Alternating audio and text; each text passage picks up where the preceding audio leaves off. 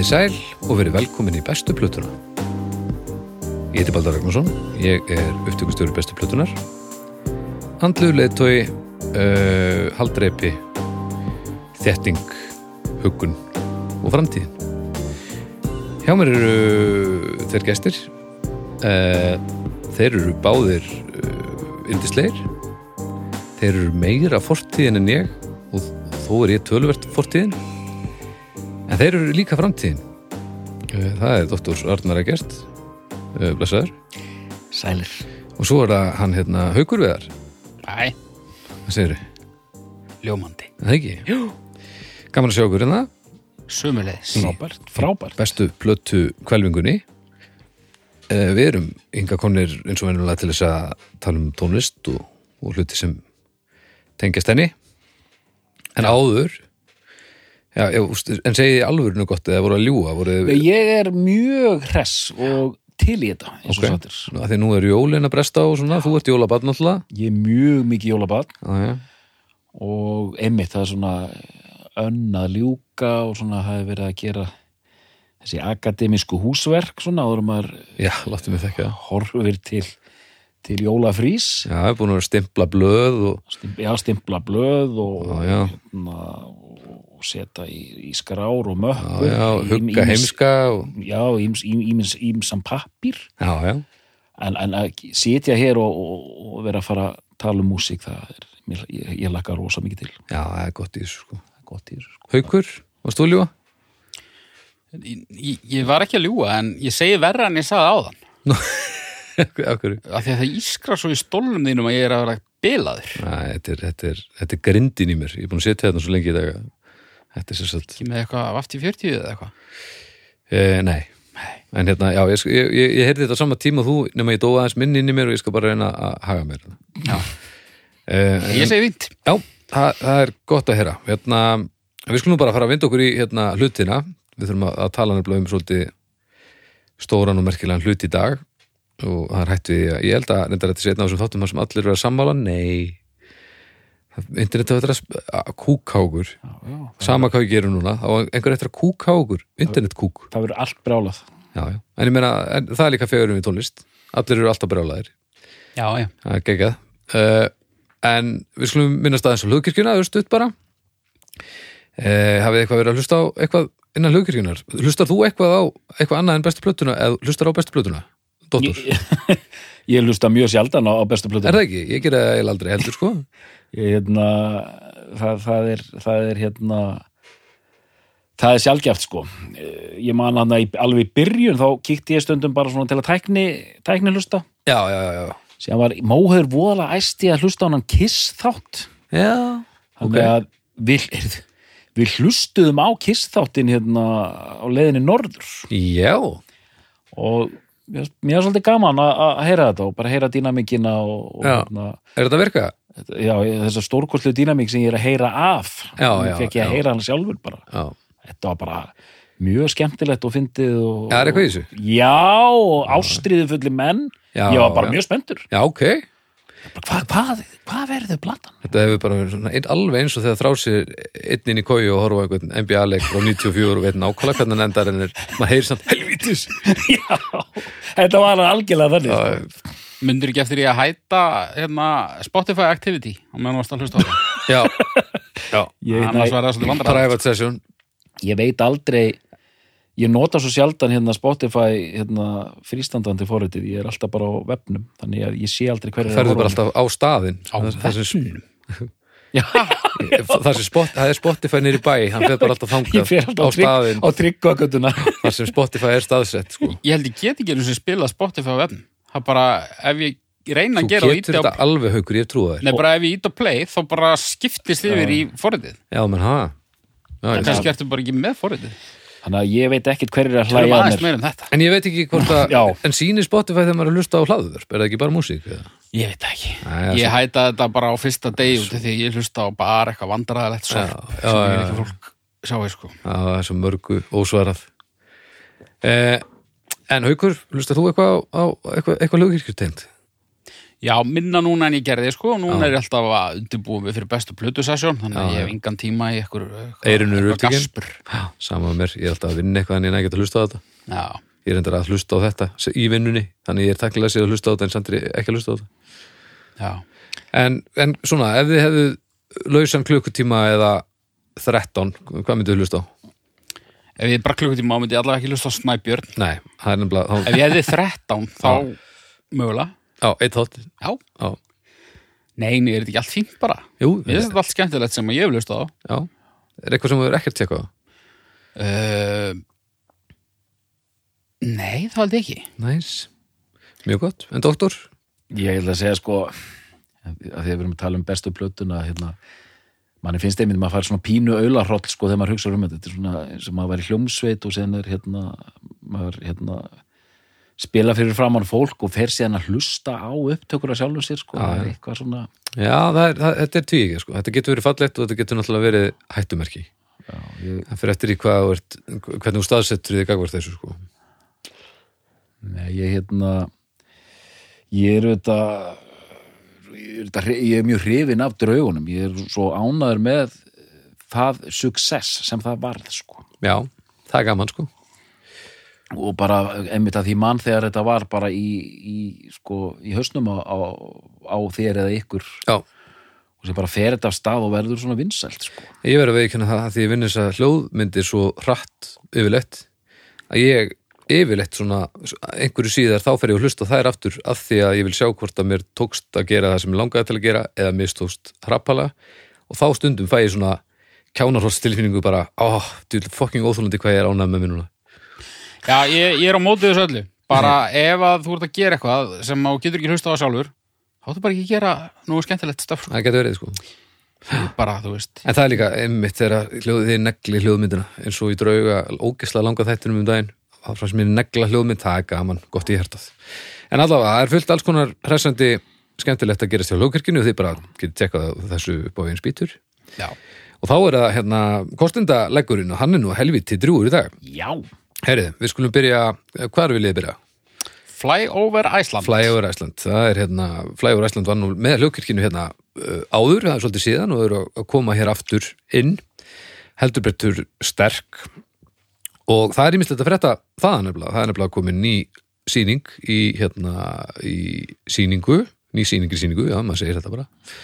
Það er Real Wild West og, og hún uh, hérna var að detta inn bara í síðasta mánuði semst í november eða það er að á raun tíma þá vorum við að taka upp hérna rétt fyrir jólinn 2021 og uh, núna er sem sagt hægt að kaupa gjafabrif í jólapakkan það er nú þannig. Sem gildir þá út alla, allt næsta ár, allt árið 2022 og uh, það eru það eru, já, tvær ég er, ég er að hérna, fletta þessu svo ég sínu ekki ljúga. Fyrir, fyrir hugaðar eru tvær nýjar gestasýningar árið 2022 Ok. og ég hef hérna farið tvisvarsinnum á sömu sýningunum líka. Það það var ekki minna gaman í setnaskipti þetta er, alveg vandrarlega gaman sko. Og þetta er svona, eh, nei, eh, þetta er náttúrulega ekki vandrarlega gaman af því að þetta er bara eitthvað sem að, maður upplifir ekkert nema einhver sem búin að að fara í gegnum það ferli sem þarf að fara í gegnum af því að þetta er ekki eðlilegt batteri Nei, ég meina bara bestu meðmælin með þessu sem ég get gefið er bara að segja það hérna, fullum fettum eins og ég gera á sinni tíma. Ég held að væri bara hundlegilegt drastl og ég nefndi ekki að fara með þér á þetta. Já.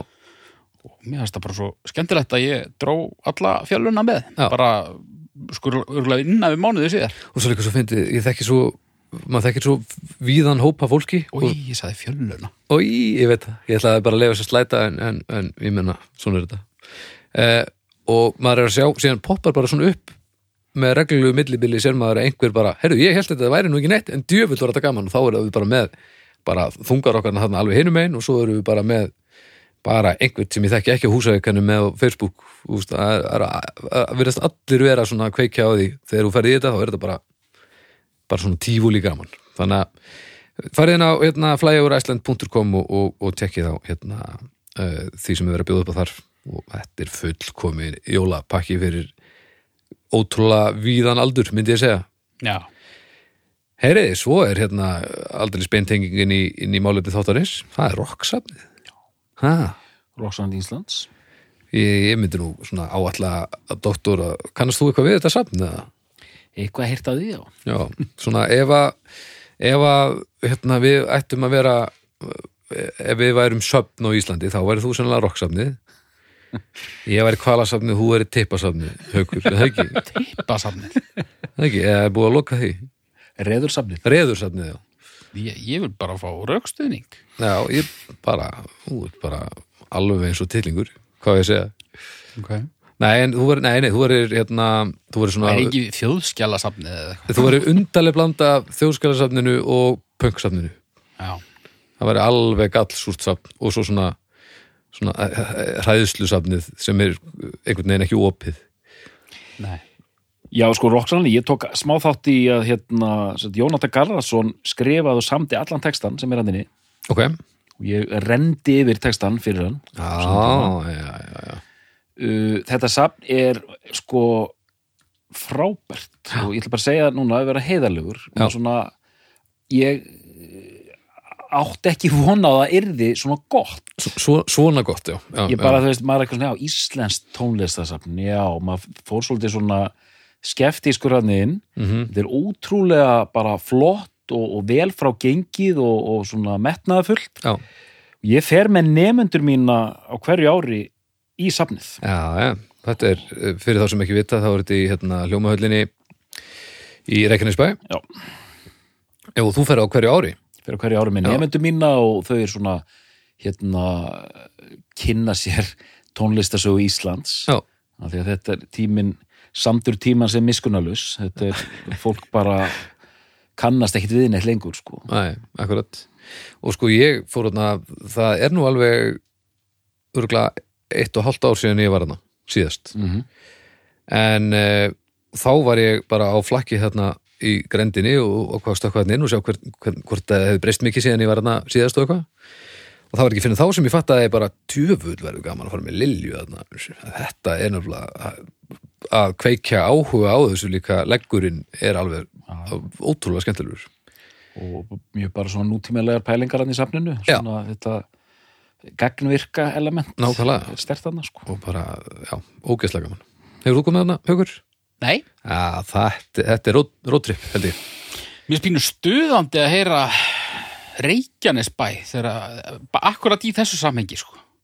Já, þú vilt að þetta sé bara kefla í rock samhenginu sko. ég veit alveg að þetta heitir Reykjanesbær sko. Já, já, en mér finnst svona staður og stund Keflavík rocksafnið í Keflavík. Ég nema að sé í Njarðvík sem að er þá bara mjög vandræðalegt fyrir mig. Já, ég er, ég er ekki vissum hvorum meina þetta heitir.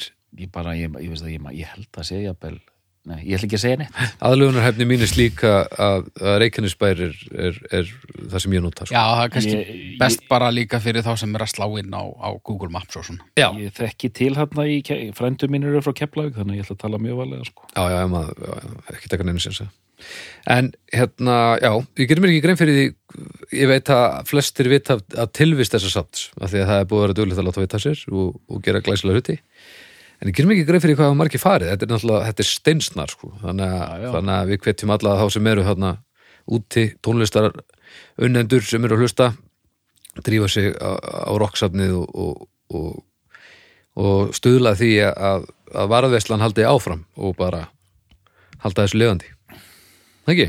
absolutt, Steinsnar, akkur var það ekki svona eitthvað hippaband úr Keflavík? Það var það pottið. Það var bara aðeins of mikið hippaband þannig að þetta er ægilega undirgrund um, Hvar eru svo? Símin Pay Simin Pay, já, alveg rétt. Eh, Hérna, það er, við með, það er appið náttúrulega sem, að, sem að við höfum nú sagt ykkur frá áður. Þið þurfum ekki að, að vera í símaðurskiptum hjá símanum til þess að geta náði Simin Pay appið, þetta er alveg óháð því og, og þar inni finnið þið alls konar tilbúð e, Vikulega tilbúð sem uppfæri sig það eru þriðutast tilbúð það er tveir fyrir einn, það er alls konar afturreng og matur og kaffihús og þið getur fengið tilbúð hér og þar lagt bílnum til dæmis líka. Og svo er þessi, já, vikulu létt kaups tilbúð og ég var nú bara að sjá að hérna er til mér búið að uppfæra, nú er þetta að fá leðimann hérna á 25% afslætti hann er þá 18.743 en ekki 24.990 þannig að þú til dæmis haukur ættir að vera maður sem væri með leðimann svona, svona í beltinu þó ég viti að þú ert ekki maður sem á að vera með leðamann í beltinu þá ættir þú að vera maður með leðamann í beltinu bara, bara útlitslega sko. Uh, fyrir ykkur sem veit ekki hvað það er þá er það ekki lítill leður maður sem að vera að tala um hér heldur, heldur svona, svona, svona hálgerður uh, já ég ætla nú ekki að segja svissneskur vasan hýf þetta er svona svistnesk töng. Já, Já, þetta er fullt af verkfærum í töng. Já, þetta er hargert og þetta kemur í gegnum flest sem þú þarft að brasa svona yfir daginn. Ég hef aldrei átt svona. Nei, þú væri góður með svona, þú myndir taka þú myndir, hérna, þú myndir byrja að elska hann mjög snemma held ég. Hvað sagður hann kostaði? Þetta er 8740 eurar það er gjöf en ekki gjald. Já, þetta er líka Leatherman Wave Plus. Þannig að þú ert með alveg allt sem þú þart og svo eru þarna með þess að líka Canon, eh, núna Canon hérna ljósmyndaprentarar og Sennheiser eh, svona buds og eitthvað á helviti, þeir eru sko 40% afslætti. Þannig að þið farið að tekja þessu í Simin Pay appinu. Og þessi tilbúð eru bara þar inni þannig að þið getið ekki fundið þetta neistar annars Nei. Og svo ætlum við að loka þessu hvar? Omnum, Omnum nefnilega Já, það er súkulega gerðin prófessorinn skrifar allt niður sko. Ég veit það, er mentamæðurinn versus sveimhugin Eh, En Omnum, ég fór nú heldur betri heimsóknir í Omnum um daginn og það var nú skemmtilegt Ég fór í, í hérna hættu nú að monta þig af því. Nei, ég veit nefnilega Ég veit hvað þér finnst hræðir eftir að ég hafi farið í Omnum kynninguna og ég á eftir að nutta þér upp úr þessu sæta uh, máli eins lengi og ímögulega get. Já, hvað á ég kannski að rifja upp hérna til dæmis hérna plötuna sem er núna eh, hérna aðgengilega almenningi? Var það náttúrulega ekki þegar ég fór hérna og ég, þú fórst ekki. Það var hérna e, það er aðvettu hérna Askjan. Já, e, og þar semst Winter Collection Askjan með þremur plötum. Þar fekk ég súkulaði sem að ég bara ég aldrei smakkað hana eins og, og það var nú varð aðeins sætara við þína fjárveru já, einhvern veginn. Og ég hugsaði mikið þætti hauki þetta nú gott? Og mikið er hann ekki hérna hugsaði ég. Já, og þá fekk ég svona bara það var bara, já, ég hef aldrei notað eins mörg skilningavit í súkulega át sko. og svona þóluðar gleði í bland já, ég meina, já, sjálfsög ég er nú bara mennskur. Sem þó er ekki nöðsynleg til þess að geta notið súkulaðisins frá alls ekki, og reynd ekki, nei. Nei, það var líka gaman að hérna, uh, ég man ekki hvort ég setta hérna áður, en það var gaman að fara að tala við einhvern um fyrirtæki og ég fann að öll svona grunngildi þeirra gagvart því sem þeir eru að gera eru nákvæmlega eins og mér líður með það sem við erum að gera hérna að það sé betra að, að fá sem flesta í, í slægin sko, við vilja bara fá fleiri í súkulega og það er betra þegar öllum gengur vel, þú veist. Þannig að þegar einhver hringir og byggðum um að aðstóða sig við að koma sond og eitthvað hlaða upp og það tengist okkur ekki neitt þá er það sjálfsagt mál af því að það er betra fyrir alla þú veist, ef við hækkum standardin á öllu þá eru bara menningi sterkari það eru allir einhvern veginn í betra stuði allir fara að búa til betra dót þetta er bara vinn, vinn, vinn, vinn og það var bara nákvæmlega sami tóttin í þeim þarna niður frá þannig að það glætti mig greiðlega. Og þá koma manningarnir þá kom já. Nei, þetta var skemmtilega og fallega heimsókn og, og hérna ég mæli með því að kíkið í búðina niður á hérna Granda sem er þá ísbúð líka núna og þar getið aldrei kynnt ykkur hvað ámnum er að gera og, og, og kipt einhverju með ykkur heim Já. svona rétt fyrir jólin. Þá held ég sem konur að leiða reynda já, með þetta allt saman. Takk fyrir í dag Já, þetta er nú, þetta er nú lengsti lengsti lestur fyrir þátt þetta inga til. En það er alltaf lægja þegar nú erum við að fara að tala um hljómsveit sem að sem að hafa nú líka verið svolítið sem ég löng lögstundum og, og, og hérna og já, þetta verður hitt að þáttur held ég utan stúdíósins allavega, en ég gerir mér ekki alveg grein fyrir hvað þetta liggur hérna. Að því frekar en, ekki frekar en fyrir en þá veit ég ekki sinni hvað platt hafa valin eða hver er að velja. En þið eru hingað komnir til þess að ræða uh, Radiohead? Já, sko Coldplay fátækamannsins. Er það? nei, mér langaði bara aðeins að út af því þú varst að tala um allir eru brjálaði Já, hvort sem er sko. ég heyrði einhvern, ég heyrði fruss sko, já. nei, þetta var djók þetta var, þetta var spjö, Eddi ekki drepa hann. Aðvendu spjö aðveldi spjö, haugs Nei, ég meina, uh, fyrir ekki að ég greið fram fyrir þið, doktor, en, en hérna, svona, þú ert að segja að þú vitir ekki hvar við stöndum. Hvað með þú gesk á?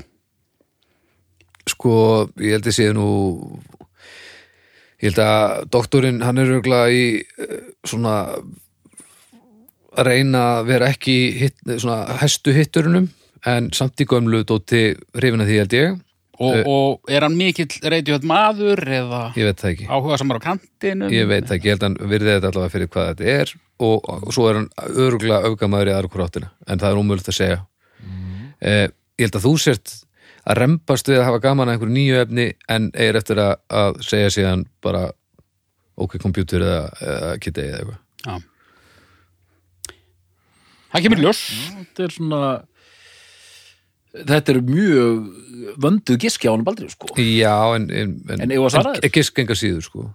Sko, hérna ég ætla að segja, fyrst að koma þið frá að einu sinni setti ég svona pól eða hvað heitir þetta? Könnun. skoðana könnun, könnun inn á bestu plötuna. Þar sem ég spurði bara hver er besta plata reytið Ó, ég hef kannski átt að fylgjast með kannski, ég hef átt að vita sörin við þessu öllu saman. Nei, það, það var fyrir löngu síðan en ég tók eftir einu og hérna, það var mjög mikil þáttaka í Já, já, já, þannig að þessi reytið aðdándur eru þarna inni á bestu plötu umræðahópnum alveg eins og þessir Metallica aðdándur og hérna, það verður gaman að sjá einmitt þegar fólk fer að hérna ræðum þetta því að Radiohead er svona band sem mikið er rætt um. Og í löngu máli eins og þú sagði, lönglög Já. svona band sem þarf að hafa fyrir. List já, list, orðið er list þarna. Já, list í bland við pop. List í blandu pop sko, og hérna, Og rock. og rock, og rock. List í blandu pop og rock. Ég sem sagt skrifaði nafnið inn í Excel-skjali góða. Já. og ég er að stíga hérna fram með eh, plötuna Kid A sem hápunkt dinn á ferli þessarar eðlusveitar ok. Eðlusveit.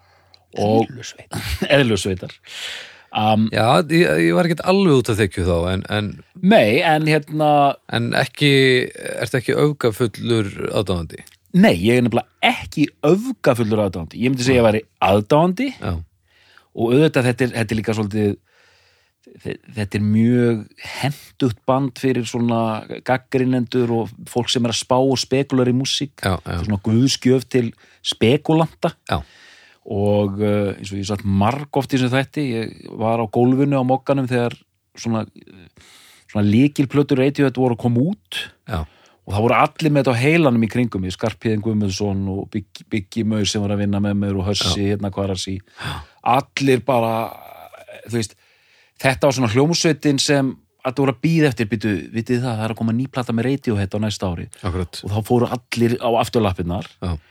þannig að sko en, en, en, en ég myndi einmitt segja að ég var einhver starf á milli, ég er ekki ég er ekki eitthvað svona super mega fan en þeir eru giska eh, hérna eh, nefnir fyrir ekki bísna algengir Já, en þeir eru ekki jafn háværir og Metallica nei, til dæmis, þeir eru aðeins hóværir sko. en ég heldur séu líka fleiri en maður heldur fleiri maður heldur en þeir eru þetta að drekka ekki bjór, þeir drekka bara latte sko. Býtu hvort að tala um aðdándurna eða hljómsveitina? aðdándur Já. Þetta eru hérna, við erum komin inn, í, inn á bókasafnið sko. Just, við erum með, en samt, við erum með Edda til dæmis Edda sem er með mér í hálfuturum og dómstegi hann er grjót harður reytið maður sko. Já. Eithór Ingi, söngvari já, alveg rosalegur reytjöfetandandi já, og þetta er svolítið svona en samt er einhvern veginn hlutfalli þannig að, að eins og mér, það hefur einhvern veginn frá því að, að þeir verða svona stórir þá hefur verið einn brennandi heitur reytið aðdáðandi svona nálægt mér í lífinu okay. En, þeir, en vil bara einn í einu sko. Og svo bara ef að, hérna, eins og Róbert, eskuvinu minn og mikil snillingur þegar að leiðir skildu svolítið okkur þá kemur bara annar reytjuhætt náungin það er bara svona eins og það sé reytjuhætt vogaskálarnar, einn í einu Og er- fanatískur sko. og eru þeir alveg sko, mjög fanatískir þessi tveir?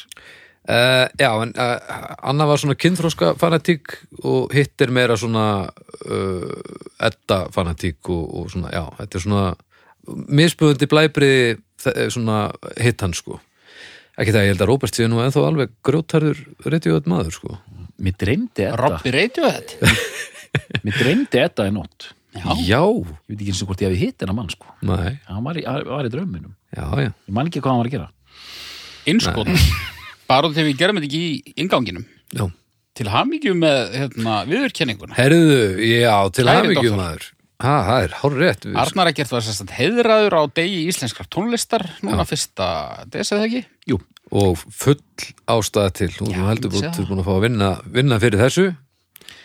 Eh, varst ekki glæður? ég var mjög glaður, nú erum við með sko, og mikil akkur fyrir þáttinn sko, nú erum við með doktor og, Og vel- heiðursmann Og já, og, og við höfum mitt velun að hafa og heiðursmann. Svo ertu með okkur hérna tvo, hvað er, hvað er við gert? bara eitthvað lítið sko Já, ég fengi, ég fengi tónlistavelun. verið, verið til trafala Ekki eitt samt einu sinni. Já. Ég var bara mjög þakklátur svona Já. einlæglega og bara mikil rús í banni þarna Já. þessi dagur og dagar á eftir. Þetta er fallegt og gott. Mm, já, En já, hvað, hvað stendur þú, segirðu? Já, Haukur. Ég? Eh, Ekkert endilega hvaða blötu þú ætlar að velja, en hvernig kemur þú að Radiohead? um, Saga mín með Radiohead nær langt aftur en hún er afar slitrótt Ok, það var í rauninni bara ginnunga gap þarna uh, sko ég, ég, þegar við vorum að undirbúa þáttinn þá sagði ég Arnari hérna bara ég hef bara í alvörin ekki bara hlustað á neitt að ráði bara ég hlustað á fyrstu tvær já, bara ekki einu sinni OK Computer ha? en uh, svo náttúrulega singlar og, og þetta verður á veimann sko Já, já. e, yfirferðin leiddi síðan í ljós að ég þekkti Pablo og hann í samókin eitt ok. En OK Computer bara eins og ég hefði samið hann á akkurat. ég hins vegar hafði aldrei sett það á fónin fyrir nú Nei, nei, en hérna uh, en í rauninni sko já ég hef ekki verið ég hef ekki verið heitar sko. En ég hef ekki, ekki borðið mig eftir þessari músík mikið. Og fundist bara sumt gott og annað leðilegt og svo bara kannski kemur ljós uh, eftir því sem þættinum vindur fram hvort ég sé á sömu skoðun eða, eða Já, hvað já, já, akkurat. já, En sko, þetta er eitt af þessum böndum sem ekki svona springur í andl á öllum. já, Uh, eigum við ekki að fara aðeins fram fyrir það? Bara, jú hvar byrjar þetta og, og, og hvað, er, hvað gengur á? Aðeins að hendinni mitt svona smá, smá sögu en uh, mitt að merkja það líka að þetta er rosalega stór hljómsveit. Mhm. sumir vilja ganga svo langt að þetta séu svona bítlar nútímans eh, út frá sko sköpunarkrafti og tímamótaverkum og því öllu sko. Já, og einhvern megin band hérna sem já, já, læta duga. Að svona, það er þetta sem erum nefnt bara bítlar okkar kynnslóðar Þú ætlar að láta þau ummæli dæma sér sjálf. Skiljið það rétt? Ég, var, ég ætlaði að fara að segja sko hvað kynnslóð er það? En það er, já, það er auðvitað X-kynnslóðin sem, sem teflir uh, hérna hérna Radiohead fram sem sínum bítlum sem er þetta samt pínu cheap líking sko bara því að þeir eru, þetta er hvað, þetta er tilruna kendur okklónsett og þá er þetta orðnir já ég meina það er hægt, það er hægt að, að, að mæla þessa velgengni á trúbadórum framtíðarinnar. Mhm. Þú En við eigum náttúrulega og trúbadórar framtíðarinnar við vitum að þeir eru eftir að vera að spila Radiohead alveg slatta. Ekki allt efnið, vissulega ekki, Nei, nei. ekki fyrir hverjum bílanu en En okkar kynslu á miklu fleiri bítla heldur en bítla kynsluðin sko. Við eigum alveg nokkra bítla já, já. já, Myndi ég segja já, en já ekki, jafnst, ekki jafnstóra bíla. Spurning. Allavega. Herðu, já, sem sagt, ég ætti að tala um sko að þú veist, það er hljónstir svo nirvana sem, Já, já einmitt, veist, einmitt, það er alveg rétt, það er þetta úr meiru að velja, En, en Nirvana verður ekkert Nirvana eftir jafn langan tím og bítlarnir eru ennþá bara bítlarnir Nei. held ég. síðan hafa líka, En, en ef við tökum bara ef við tökum bara svona kollektíft uh, losing their shit yfir einhverju bandi strax í byrjun. Þá er nirvana bítlarnir sko. Já, já, frekar að Radiohead. Radiohead þetta er svona, þetta er svona eh, malla sig upp í, í þann status sem Já. þeir eru á núna já, en uh, þetta er leðileg umræð já, herru, e, sem sagt, 1985 er hérna, er, er, er, er hljónsettin stofnuð uh, og hér kemur einn mjög mikilvæga punktur sem við skulum hafa í huga út þáttinn. ok Allir fimm meðlum er Radiohead sem eru ennþá sama, sama mannskapurinn og skipasveitina Já, Þetta eru allt strákar sem gengu í sama enga skólan í Oxford héraði Já. sem heitir Abb eitthvað, ég man ekki, Abbington Abington. já, Já. þannig að takja þessu Oxford enga skóli Ok. þetta er eh, hérna það, hvaðan þau koma Já. og svona stjætt hefur alveg ótrúlega mikið að segja í Breitland um hvernig þú ert, hvert þú ert að fara hvað þú getur gert já, framvegis. hvað þú getur gerst. Já. og hérna Ebbington já, þetta er algjörlega það, Þetta er rosalegt, sko. og Abington Private School og þeir voru hann allir mismunandi aldri, tveir bræður í bandinu 85. Átt, já, já, já, smá, gefum smá tvist á þetta. Hérna sem sagt þeir eru tveir bræður hana, Colin, eh, Colin Greenwood og hérna Johnny Greenwood. Uh Phil Selvey, trommari. Ed O'Brien, gítarleikari og Tom York, gítarleikari og söngvari og píanuleikari stundum. -huh. en hljómsveitin heitir On a Friday í upphafi. Ok. og 85, 86, 87, 88 og áfram er þetta svona svolítið lús, þeir eru bara að æfa í skólanum síðan fara allir í háskóla. Og dæmikið, þeir, enginn þeirra vildi bara, eða nú lokuðu svo og allir fóru í háskóla nema einn, Já, já, ok. bara býðum aðeins strákar nú ætlum við, að fara í háskóla. Er eitthvað að að djama þarna saman? Bróðunars Tom York var svona pínu hluti á þessu gengi, hann var í hljómsveit sem hétt The Unbelievable Truth. Uh, en ég ætla að fara bara hrættu við sögu þeir eru að djama hann og spila gera sem samning við EMI EMI byður þá um að breyta nafninu af því að ég er eiginlega sammála minnst þetta hörmulegt nafn, On a Friday On a Friday. On, on a Friday Já, þetta, er bara, þetta var bara að vera bjellið með kjúr, sko. Já. og breyta nafninu Radiohead sem heitir eftir lægi eftir Talking Heads eh, hérna sem er á plötunni True Lies ég maður rétt Mm. nei, hérna, ekki True Lies hérna, hvað hann áttur við einhverja bíómynd? Hmm. ekki True Lies. Þú lærir sér bílóðmynd, heldur það, betur. er- það er bíómynd, það er svo- er svo sem ykkur Speaking in tongues. Nei, það var eitthvað Stories, True Stories já, True Stories. Ok. allavega Radiohead uh, og 92 kemur út fyrsta EP-platan um sumarið. Og fyrsta, fyrsta smáskjan kemur út hausti 92 og hvaða lag haldið að það hefur verið? Það var, alltaf þessi ekki bara frægasta lag Radiohead Creep, Já, já, það er bara þannig. það er fyrsta smáskjafan það kemur fjagra eða fimmlaga EP-plata um sumarið, fimmlaga Já, og síðan kemur fyrsta smáskjafan af Pablo Honey og það er lagið Creep ok. og það er svona svævill það springur ekki út en verður alveg óskaplega vinsælt Já, og er enn í dag, ég meina þið heyrið þetta lag reglulega já. Þetta er alveg skrýðum með veggjum og, og, og, og lemman alltið. Svona útfræði hvernig lagið er Já, og eftir að hafa heyrt þessa forsögu þá er eiginlega ótrúlegt að þetta sé ekki bara one hit wonder og hljómsveitir mm. aðeins sem bara hætt Já, eða bara gert eitthvað drastlplötur og þetta er svona mér finnst þetta að standa bara pínu utan við einhvern veginn kannski líka bara út af þeirra viðhorfi gagvart þessu lagi í tíð sem er hvað?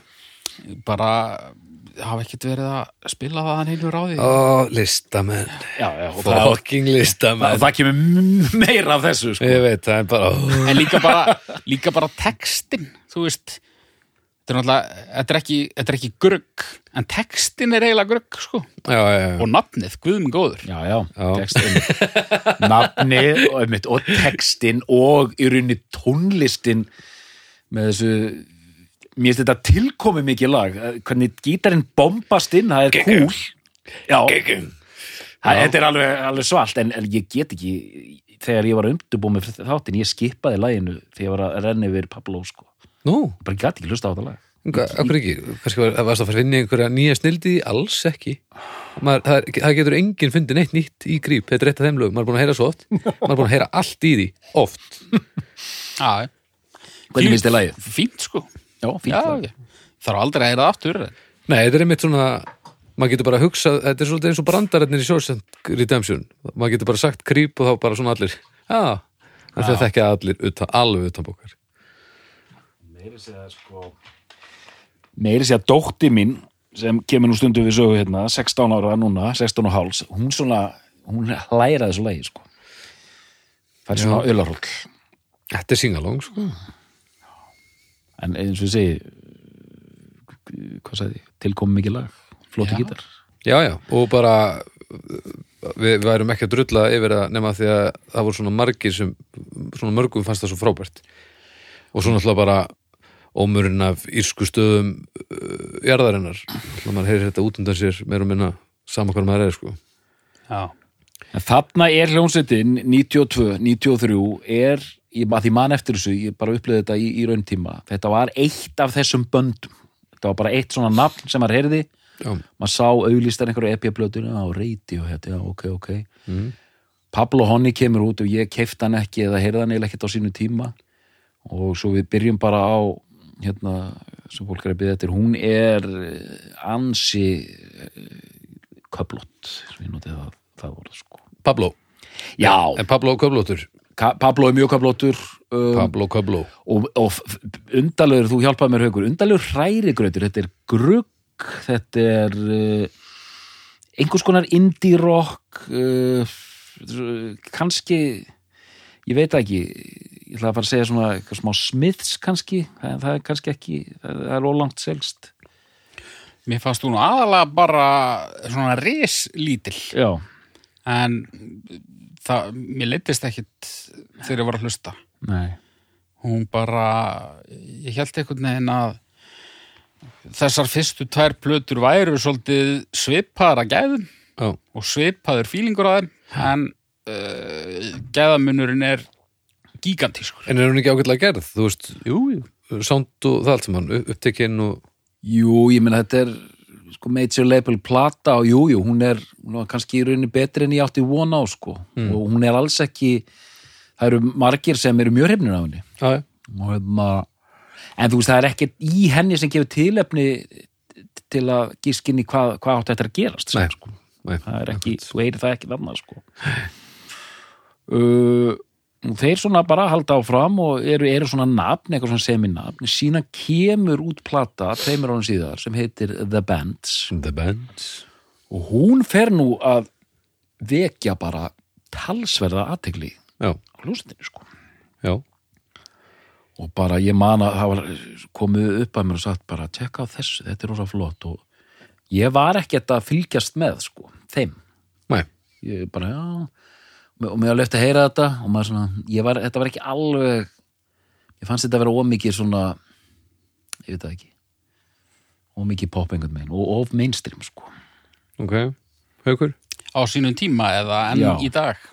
eins og eh, komið margótt fram með þessi þáttum hvað ég var snobbuð snobbað punk hænst sko. Já, þannig að, og sérstaklega viðkvæmur kannski þarna á þessum tíma þannig að þú veist, þetta var bara og bara það að þetta hefði verið á IMI það var örgulega nóg sko Já. en ég man samt að það var einhver að spila þetta fyrir mig að ég var svona maður var alveg bara ok ég var impressed sko Já. og núna finnst mér þessi plata algjörlega geggjuð sko ógeðslega góð plata sko. ok Já, ég hérna uh, eins og ég sagði frá hérna áðan þá var þetta þegar upp var staðið eina platan svona sem að ég reyndist uh, eiga eitthvað svona persónulega tengingu við Já, þrátt fyrir að OK Computer hafi svona ég hafi orðið fyrir henni Já. og, og, og, og, þekkt hana í þaula bara svona nánast gegn mínu vilja. Um, í setni tíð hefur þetta svona uh, hef ég aðeins farið að ruggla lögunum eða að singlunum á þeim saman? Pablo Benz. Nei, Bends og OK. Já, já, já. en uh, núna þegar ég var að fara fyrir þetta þá bara þá voru bara eiginlega öll uh, lögin sem að mér fannst æðisleg, þau voru eiginlega þarna sko. já, já, ok. Ég hérna, af þessum tveimur sko, það eru og við tölum nú örgulega eitthvað um ok, computer hérna á eftir en, en það eru góð lög þar. En mist öll lögin á band góð, hvert eitt og einasta. Sum frábær já. og þau sístu eru bara ljómandi fín sko. Já, ég er eiginlega bara með þér þarna sko af því að þannig eru lög eins og hún er, hún er rockplata. Já, þetta er mitt, það, já, þetta er rock. Já. þetta er rockplata fyrst og fremst kannski með svona smá tilrauna blæ já, smá já, smá pop tilraunum og Þetta er bara það sem við kalla alternative bara. Já, og ég meina britt þarna, þarna britt eru, alternative. og, og þarna eru þrýr gítarar og einmitt, hún rockar líka þessi plata. Það er svona, það er svona harður hávaða samur tónn einhvern veginn út í gegn sko. já, hún er svona þannig eru lög eins og lag sem ég er búin að vera með æði fyrir undanfarnar vikur, Fake Plastic Trees. Já, stórkostlegt lag bara, bara fyrir alveg inn í kjarnan á mér. High and Dry. Mhm. Frábært. Og við erum með fleiri það eru tvö eða þrjú svona bara frekar þekktir singlar hann Just. Mm -hmm.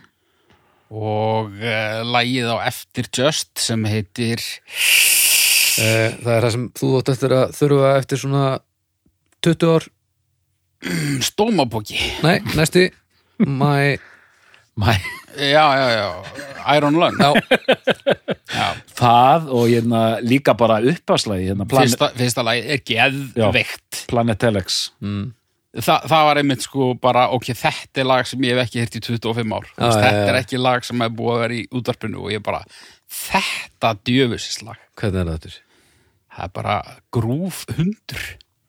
Byrjaði ekki svona dún, dún, dún, dún, dún, dún. Já, byrja bara einhver svona eh, einhver smá svona ambience og svo bara dettur inn einhver eitthvað trommu, bassa, grúf langt sér, heyrði þetta maður. Frábært lag. Mm. og, og, og þannig er þannig, takk ég eftir hlutföllunum sko, smá ambience, smá tilraunir smá pop en rock Já, já, svona, svona kjarnað þar. Já, og ekkit, við erum ennþá þetta er ennlega eins og, eins og sagðir svona þeir malla sint munu upp að það er ekkit heldur í plötunni sem sagt fælandi að því við erum Nei. að tala um list. Já. það er, það er ekki það sem þeir verða sannarlega sekir um setna svona tilgerð Já, eða, já, eða ég er rosalega listaræð núna. Nei, það góð, er eiginlega ekki það góðu balans. Já, mjög góðu balans sko. Og þó hún sé rá og rocki þá er hún mjög aðgengileg. Já, en kannski í samanbyrðinu við OK Computer þá er hún alltaf bara uh, Atari. Teenage Riot. En, en, en og bara svona rosalegu bara substans í þessari plötu. Þetta er bara svona alvöru stöff Já. og hérna það er margir sem sverja við þessa plötu. Haukur. Já, ég ger það líka. Ok. Þá erum við komin til 97, er ekki Er ekki bara að fara þangað? Jú, jú, sko hérna og enn enn vil ég nefna það og, og ég þannig séð hvað, hvernig maður orða þetta? Ég var ekkert að fylgjast með neitt. Nei, og kemur út þessi plata OK Computer sem ég heyrði bara sem sagt Já. í partíum og í útvarpinu eitthvað svona. En það, nú var farið að rosalega mikið að tala um þessa hljómsveit. Mhm. og hérna og ég vil nefna það, mér eru alltaf þótt umslægið stórkostlegt. Já. mér finnst það svo cool og, og flott. Það er mjög flott. Ég bara, ég og, dyrka það sko. og margir reynd, hafa reynd síðan að að gera eins. Mm. maður sér þetta svona reglulega eitthvað svona. Já, þetta er svona Ég held ég hef aldrei vita hvað er á umslæðinu samt. að því þetta er svona, var, var þetta ekki kallað mixed media? Já, þetta er svona vegur og eitthvað svona, ég myndi segja draugagrafíti kallar sem eru samt alveg í ljósmyndi bara búið að vinna geðað mikið. Það, það er mynd af einhvers konar svona gatnamótum, já, gatnamótum og, en síðan er eitthvað svona túsa þannig inn og tré og svona. Já, alveg rétt. og hérna, svona eitthvað lámarspalletta, mikið hvít, mikið hvít. Og hérna og þarna, ég þarf nú að koma þess að að hérna ég, ég fer að heyra meira og meira hvað þetta sé gott. Og það endaði með því og ég, ég hef gert, sagt hennar brandara hérna í, í þættinum, seg, seg, segi hann aftur að hérna, ég hafði varan á mér að því að eh, það hafði svona tjokko hérna spilað hérna Karma Police á gítar í einhverju partí Já, Já, þessi eini sem gerði það hann að 97. Já. Um hann. já, fyllt partímaður Þannig að sko listrottan í mér bara, nei ef, ef fjöldin er að fíla þetta þá, þá það, þetta gengur ekki. Nei, nei, ég vil þetta ekki. Nei, ég, bara, ég, ég neita að taka þátt í þessu. Og hérna bara burt með þetta. En síðan uh, var alltaf að tala um þessu plötu og ég man að ég fór í göngutúr með Walkman Já, í eironum til að bara, ok Arnar, nú bara þú verður bara að koma að staðis og ég, Það er sem sagt segulbandstæki fyrir Já. við, það er ekki svona lítill lappimaður sem var að lappa með Arnari, þetta er segulbandstæki sem hún hlusta á hlutuna í. ja, þetta þarf að koma fram sko já, já. að hérna, Það er svo, það er svo mikið af ungum krökkum að hlusta á bestu plötuna Þannig að- að hérna en þá bara, e- e- eftir svona djúplustun eina ferð, þá komst ég að því að þessi plata væri bara meistarverk sko. Það væri bara algerlega stórkoslega plata. Já, og eins og Karmapólís, það er ekki því að kenna hvað er gert við það veist, Nei, nei. það er erfiðustu það er leiðilegast þegar stórkostleg lög sem eru jafnvel mestaraverk liggja þannig að að svona meðaljónin getur upplifað sig sem stórstjörnu af því að þetta spannar ekki of langt bara í sviði að krefst ekki of mikillar hefni á hljóðfærið eitthvað. Þá getur svona búið til moment sem er miklu stærri en þú sjálfur og momentið. Og eðilegur þar lægandi momenti fyrir mjög mörgum öðrum oft á tíðum. Og lægið einhvern veginn í ferlinu. Og, og það er, hefur ekkert með lægið að gera sko, af því að lægið er stórkvæslegt þannig að já, svona, skilduð þið eitthvað hvað ég var að segja? Ég held að ég hafi skilið svona ég sá bara svona- 85% af ég sá tóm augu Já, fjögur sko ég er bara á sama stað sko, minnst leiðilegt að við séum minna þrýr svona svona fúlir á móti sko, en þetta var bara svo mikill yfirgangur með Já. þessa plötu. Þetta var bara, þetta var bara ofbeldi og ok, kompjútur var bara vopn. já, ok, er ég að fá hjálp sem sagt í, í þessu Já, og ég minna þarna stimplaði ég mig bara út, sko. Ég bara nefndi þess ekkert. Þetta var bara, það var bara alltaf leiðilegasti gaurin í partíinu sem að var reyndjótt maðurinn, sko. Já. Og hérna, ég nefndi þessu bara ekkert. En ég er aðalega gaggrina núna sjálfa mig fyrir að vera snoppaði gaurinn sem hérna Já. vill ekki leifa hérna Jóa á bólnum að spila Karmapolis. já, já, það þýðir að, að þið eru á, á, alveg anstæðum póli og ég er einhvers stað svona í miðunni Hvað mennur anstæðum púli? Þetta voru mínar tilfinningar þá, já, ég meina það sko ég, ég, bara, ég, þú, já, þú sammála mér. já, ég fó bara, ég fattaði það bara ekki, ekki árið 97 eins og Já. þú að þetta væri frábær plata, sko. Já. það er það sem ég er Ég að tala um það bara fyrir svona viku. Já, já, já, þeir voruð á póli Frábær- rólegur, Frábær. Sko- Dreg kannski ekki, tek ekki alveg svo djúpt í en hún er fín. Sko, það- þarna, það, og þarna þessi plata, hún er hérna... þessi plata er ólík uh, The Bands. Þarna eru eiginlega komnir í eiginlega hálgert progg. í Hálfgert progg. hálfgert progg, hvað er það? Sem sagt, uh, Er það hugtak, það er eitthvað sem proggarar þeir hafa aldrei heyrt þetta hugtak Er hálfgert progg. Ég held að hálfgert progg er bara svona on-off takki, sko. það er bara eins og slökk og kveik það er engin, ert ekkert með hérna, með svona feitir á proggi sko. Þarna er nefnilega að fara að kasta í nöfnum eins og Pink Floyd. Mm. hvað dimmer progg, er, heitir það? Já. Dimmer Dimmerprogg. Eða dinnerprogg Dinnerprogg. Dinnerprogg. Já, dinnerprogg. Hálfgert progg. Í mér sko, fyrstu þrjú lögin á OK Computer eru bara algjörlega snar biluð finnst mér sko. Mér finnst þú alveg stórkostlega sko. Mm. En þú veist, þetta eru hlaðin lög Já, það eru margir kaplar það eru svona, hún er ekki eins rokkuð, alls ekki eins rokkuð og bands, þetta er miklu atmosfériskari plata já, Hún er samt ekki ykkur, hérna, ykkur æðadút, sko. Nei, Ég, hérna, ef við tók eftir þessu og fyrsta lagið er náttúrulega frábært og meðanst gaman, þú veist, út af því að ég náttúrulega hef heyrt þessi smáskjulög svo ofsalega oft, sko. Mm. Og það eru góð lög, en að heyra lag sem ég þekkti voða lítið og bara myndi með einhvern veginn á plötur á undan frá sama mómenti samt. Og mér finnst pínu eins og það bara verið strategísk ákvörðin að byrja plötuna svona með smá tengingu í, í, í það gamla. Já, og svo koma einhverjar ballöður hér og þar og, og svo er svona kannski nasa þefur af plötuna eftir. Því sem koma skal. Já, sem þú kalla progg. Ég hugsaði nú ekki progg en ég hugsaði merkilegt nokk svolítið um Pink Floyd á meðan ég var að hlusta á allar þessar plötur og uh, ég veit ekki hvort það er gott eða slæmt sennilega slæmt en og síðan er þetta, touch sem eru með eins og hérna bæði á Black Star já, hérna á bands og Subterranean Homesick, Homesick Alien, já, þetta er sko að því að þeir eru nú báðu gítarleikarar þetta, það kemur svona I'm tired, I'm tired svona hvað heitir þetta? Gítarinn svona hrinur niður I'm tired Já, bara- I'm tired Verður bara eitthvað svona arbyggjur eða eitthvað svo leiðis, ég manni Þetta er svona, gítarinn fer niður svona eins og gormur hérna niður stiga sko. Já, svona, það er, getur við svona, já, einhver, arbyggjur eða einhver skalar bara já, sko. já, emitt, emitt og, og, og þú veist, þegar maður hlustar, það er eins og að séu svona tíu gítar á sér í gangi sko. já, já, já. alveg sko gítararnir að, að, út um allt sko, enda, enda þrjú gítarleikar er um þetta, borð er þetta bara sá ég spóa, söður í flóa nákvæmlega, Britt, í- Proxins Í- algjörlega, bara nákvæmlega svona keðjusöggur í, Já. hérna, í gítarlíki sko. meina, Heiðbrokk. í svona lögum, þú veist, ég veit ekkert hver er að semja megni að þessu, en hérna, þú veist, í þessum lögum þá fór ég að hugsa um það sem ég hef heyrt til dæmis af kvikmyndatónlistinni hans Greenwoods, mm skilur já. þannig að ég svona ímyndaði mér án þess að ég nefnt að fletta því upp að, að þetta væru einhverjir kaplar eða lög frá honum eða hans áhrif að koma hann inn.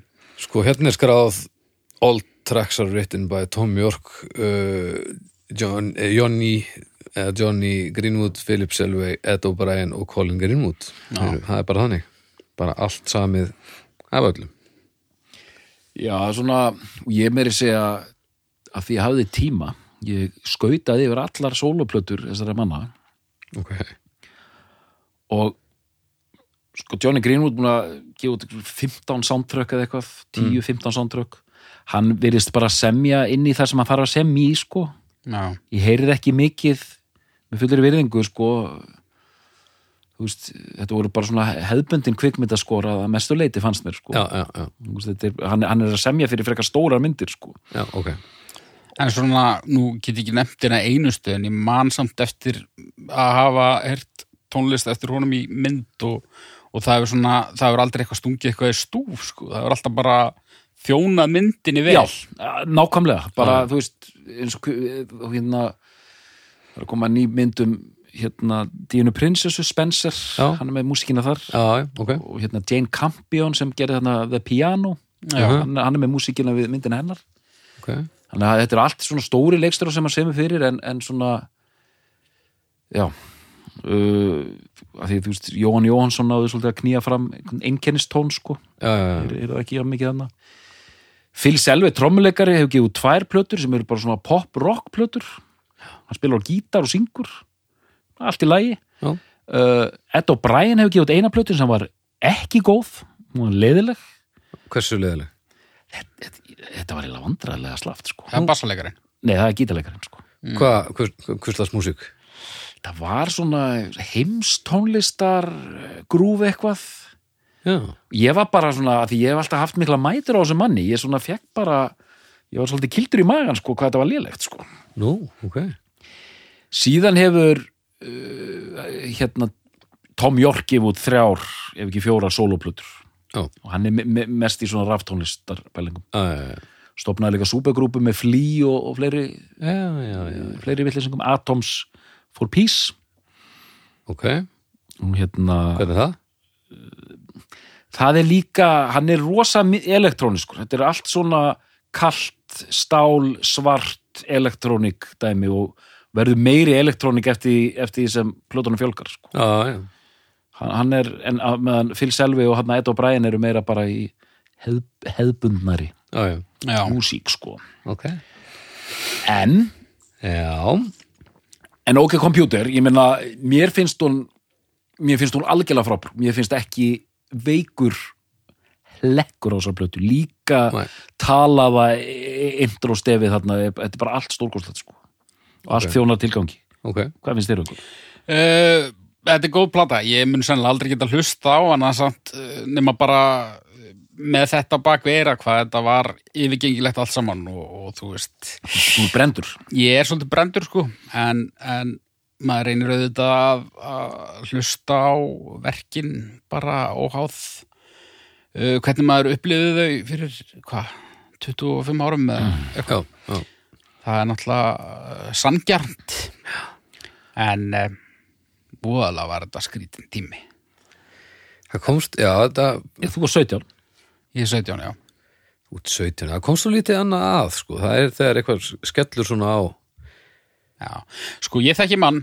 Hann sagði nú ekkert í mann svona í djóki með fullri virðingu fyrir þeirri hljómsveit. Hann, hann sagði að nýdönsk væri, svona, væri uppáður hljómsveit fólk sem að uh, pældi ekkert í músík.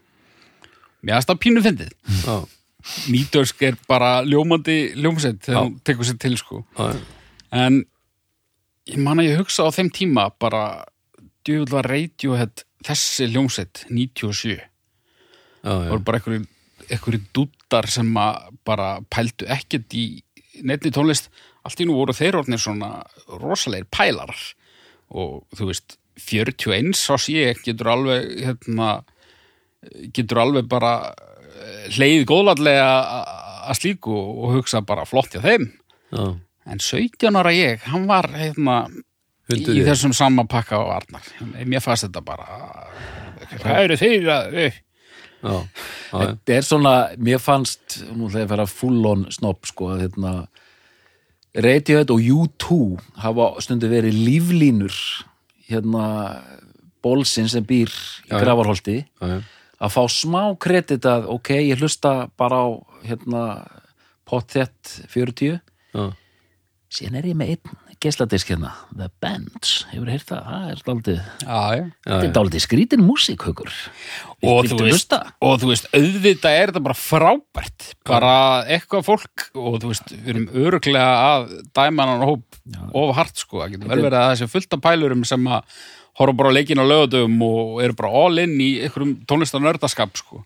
en, en jafnvel þó svo sé ekki þá er bara dásamlegt að þannig fólk eigi einhver nokkur bönd sem að bara ah, automatic for the people frábær, þetta er svona eins og þegar allir, garð, allir arkitektanur úr Garðabæði fóru að kaupa hérna Play með Moby.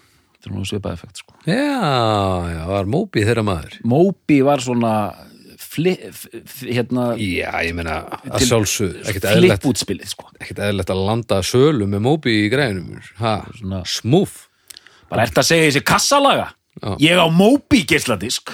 Og bara í þungarokkinu bara hérna uh, 50 manniðstjórarnir sem hlusta á Ramstein Já, og skálmöld maður. og skálmöld við erum alveg bara, við erum, við erum svo, svo fullkonir í þetta líka. Það, og það er indislegt, sko. já, já, þetta, 50 mannust já, þe- þetta er allt gott sko. já, já, þetta er, þetta er, þetta, við erum búin að kjarna þetta glæsilega Já, já. hérna í þettinum sko og afhjúpa hvað við erum hérna, yfirlætis fullir leðenda pungar algjörlega um, en uh, sama takt OK Computer ljómandi fín plata að mínum mati uh, mér finnst ekki öll lögin á henni góð mér finnst hún stundum missið bara aðteklina og þarna sko, svo ég hendi því inn í, inn í, inn í hérna mixið að að því vorum að tala um það að þetta er svo mikið pælaramúsík að svo plata, bæði bara hvernig hún lögð upp textarnir og umslægið það er kallað svona veist, einhvers konar óður til fyrtrar veraldar Það er þarna, það er sápakki þarna byrjaði erfiðleikarnir hjá mér, sko. já, já, nú, nú, og þetta á bara eftir að versna sko. Já, ég veit, ég veit þannig hvað, sko. Um, en, já, þú veist, þetta verður að vera til, ég feinu þetta til, en að- auðvitað fer uh, eitthvað að sjóða í, í heilanum á mér þegar, að, þegar einhver svona, þegar þetta er lagt fram á ákveðin máta, sko. og, og þeir eru ekkert að hjálpa til af því að þeir eru ekki menn sem myndi segja nei, nei, við erum bara að gera rock hérna, þú bara leggur þínar þínar pælingar í þetta, þeir eru allir í svona Já. antikapitalískum pælingum og þessum pælingum og hinum pælingum og, og hérna svona veltalandi hérna Oxford englendingar hérna. En svo er þetta bara bara svo fárlega vel gert að maður verður náttúrulega bara grjóthalda kefti sko, þú veist, eh, svo þeim, á öllum verður drullu sama hvað mér finnst um, um eitthvað af þessu sko, það er svona En það er kannski ágætis eh, svona eh, inngangur í umræðu sem að ég veit ekki hvort það ávið hér. Mér finnst það persónulega, mér finnst alltaf það er alltaf pínu fráhrindandi fyrir mig þegar að hljómsveitir taka sig of alvarlega. já, Uh, Það hefur verið mín tilfinning með Radiohead, hvað segir eh, doktorinn og, og, og heiðurs mennið? ég var einmitt að hugsa þetta að ég held að maður geti nánast bara haldið því fram fullum fettum að þetta er svona mér finnst eins og hún sé alveg húmorslaus sko hljómsveit. það er svona fílingur sem maður fær sko það er magnað sko, af því að ég, ég bara skil ekki þann raunveruleika sko. þú veist, þetta er örugglega, þú veist þú veist, inn, inn, inn, inn í búningsklef og æfingum, þeir, hlæja og fýblast og þetta eru algjöru grallarar sko en músíkin er alveg streitt Heldur þeir séu eiginlega grallarar? Eða veistu það? Eða? ég, svona, ég var einmitt að skoða mitt viðtöl eh, við Tom þar sem var alltaf látið eins og fýbl sko Já, en ég meina, er hann, þú veist, bara bleita handklæði og snúið það í, þú veist, hvar, er, hvar erum við með á? Nei, ég held að það geti bara ekki verið. Nei, ég held að það bara ég ætla að trúa því. Hann gerir nákvæmlega það. sko, ef við tökum þetta bara Nei, ég held að við skulum ekki vera að gefa þeim einmitt ómikið hérna, grín kredit af því að sérstaklega í kringum OK Computer og, og þess ár þá þeir fengu bara orð á sig sko, Tom York mjög erfiður, leiðilegur og, og snúinn og, og bara svona þú veist, svona þunglindislegt og allt þetta og, og, Korgan pungur bara Já, og svona Já. allir svona bara svolítið svona störn típur sko, og þú veist trommuleikarinn, þú veist hann tjáði sig aldrei neitt og svona, þetta er bara svona, Já, já. svona stífir gaurar og ég er ekkert að segja, þú veist, þetta er bara myndin sem þeir, þeir eru ekkert að þetta er mjög arti í hljómsveit sko, Já. bara afar sko Já. Já, já, og svo því sé haldið til haga þá er nú alls konar músík sem ég hlusta á það, það sem fólk tekur sig allt og alvarlega og ég ímist teki ekki eftir því eða leiði það hjá mér sko Já, það er held ég bara svolítið hapa glappa hvort að það fyrir töðunar mér eða ekki já, sko. já, já. þetta, og, og ég veit ekki, það hefði þú veist, ég meina James Maynard Keenan í Tool sem ég vil halda fram að sé húmóslösast hljónsveit allara tíma hann er með eitthvað uppistand sko. ég veit ekki bara hvort þetta sé rétt. Hann er alltaf með hitbandi sitt þarna sem Já. er wrestling það er með wrestling tengingu og, púskifer, nei. Já, ég manni hvað heitir en hérna, og það er bara svona alltaf svona wrestling ringur og þau spila þar og svo er wrestling leikir á milli, við vorum að spila á einhverju festivali og, og ég, ég er túlmaður og ég vissi ekkert af þessu bandi og, og ég sé einhvern mann í matsalum hann að bak og ég bara byttu, hver er þetta? kannast svona eiginlega hann þá var það hann, nema ég held hann væri hérna, doktorinn úr hérna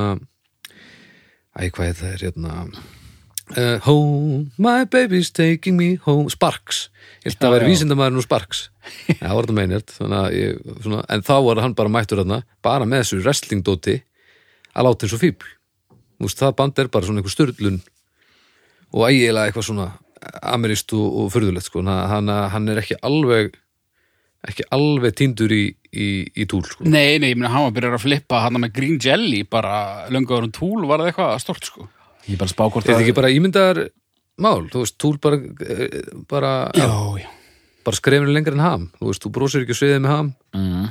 nema það er fyndið. En Kannski hann er bara ekki sviðið reyndar með túl og hann það er hefur samt alveg óorð á sér líka sko, sem að kannski kemur þess ekki beint við. En hann er hérna óbermi, skils mér. Meinert, já, ok.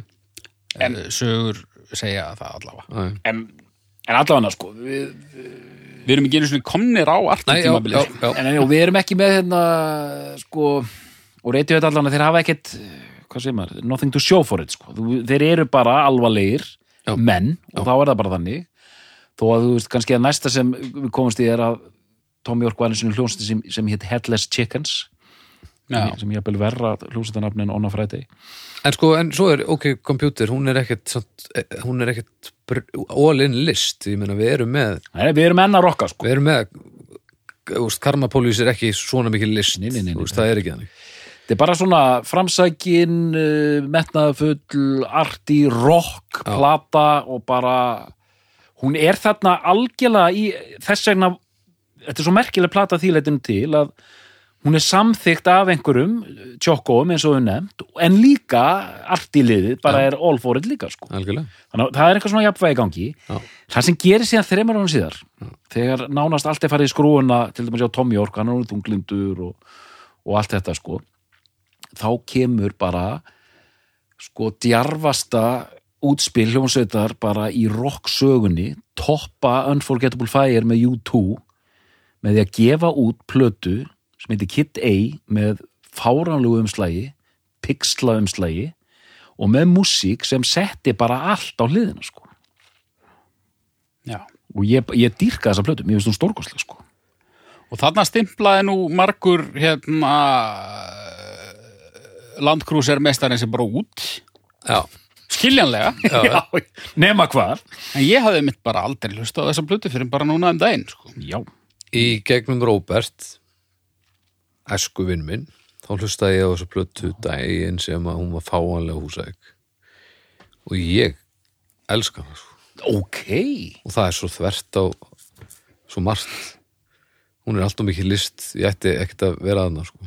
Nei. þetta er bara, hún minnst bara svo helviti góð sko. Það eru lög þarna það eru nefnilega helviti góð lög Það þarna, eru lög, það eru, það eru melodíur þarna sko. já, Þó að þú veist, þetta er svona það er eins og þetta hafi verið að testa Ég ætla að láta fyrstu þrjú lögin vera bara svona já, það bara, ég ætla að reka alla í burt sko. Þú veist, ég held að gítar kom í fyrsta skipti inn á lagi nummer 5 sko. ég bara hugsaði nákvæmlega þetta bara það er verið að sikta frá já, út af því að þó að það sé, eins og ég sagði áðan ekkur nasa þefur uh, af þessu á OK kompjúter Mm.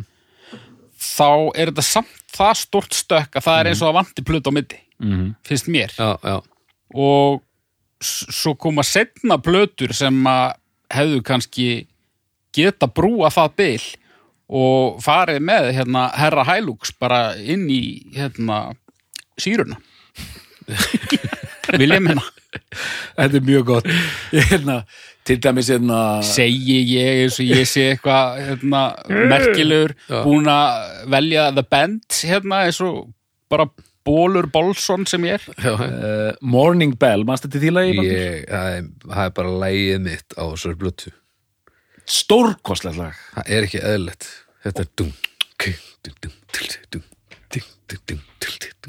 þetta er bara og þetta er í rauninni sama og ég dyrka við bara sumt Pól Sæmondótti þetta er bara 50 veis to live your lover grúfið nema bara aðeins meiri list minni gleði sindar og dót sko. En þetta er minni stífgatt já og, já, og þetta er bara það er bara eitthvað í þessu sem og já, þetta er svona eins og Paul Simon og Björk væru bara einhver einn.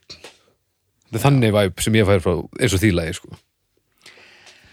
hérna geggja, ég meina að því þú ert að tala um Robert sko, ég og Einar Sonic Já. sem vinnur í 12 tónum já, við vorum að vinna saman í Apis og honum hafði áskotnast sko promo setja. Sem hann fær ekkert fyrir í dag. Nei Ekki neitt.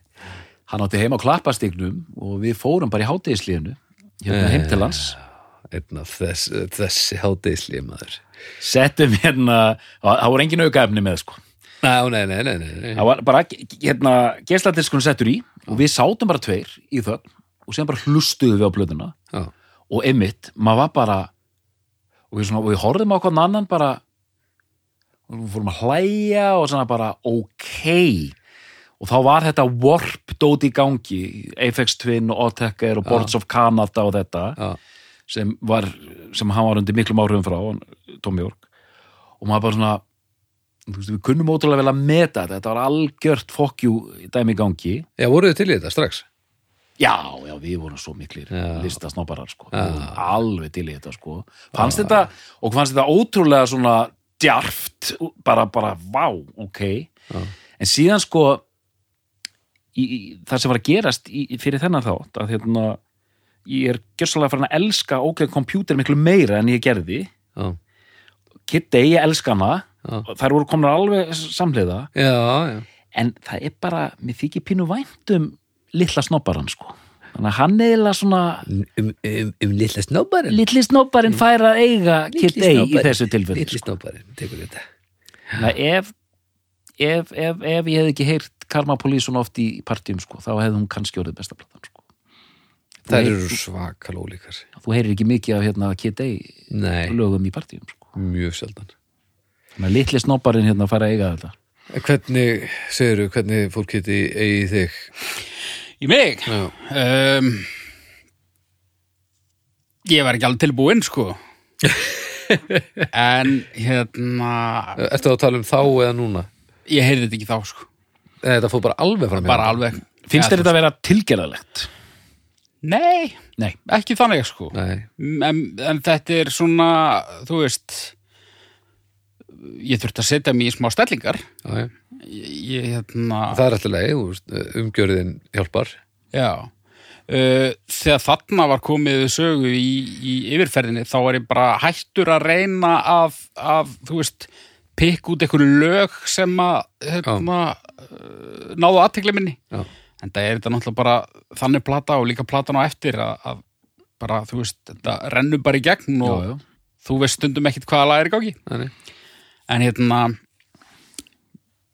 e, Nei, nei, mér fannst þetta ekki leðilegt Mér fannst þetta heldur ekki skemmtilegt Mér fannst aðalega bara forvitnilegt og bara kannski pínu aðdánavert bæði hvernig þetta þú veist kemur þarna fyrir var að löst já, þetta djart.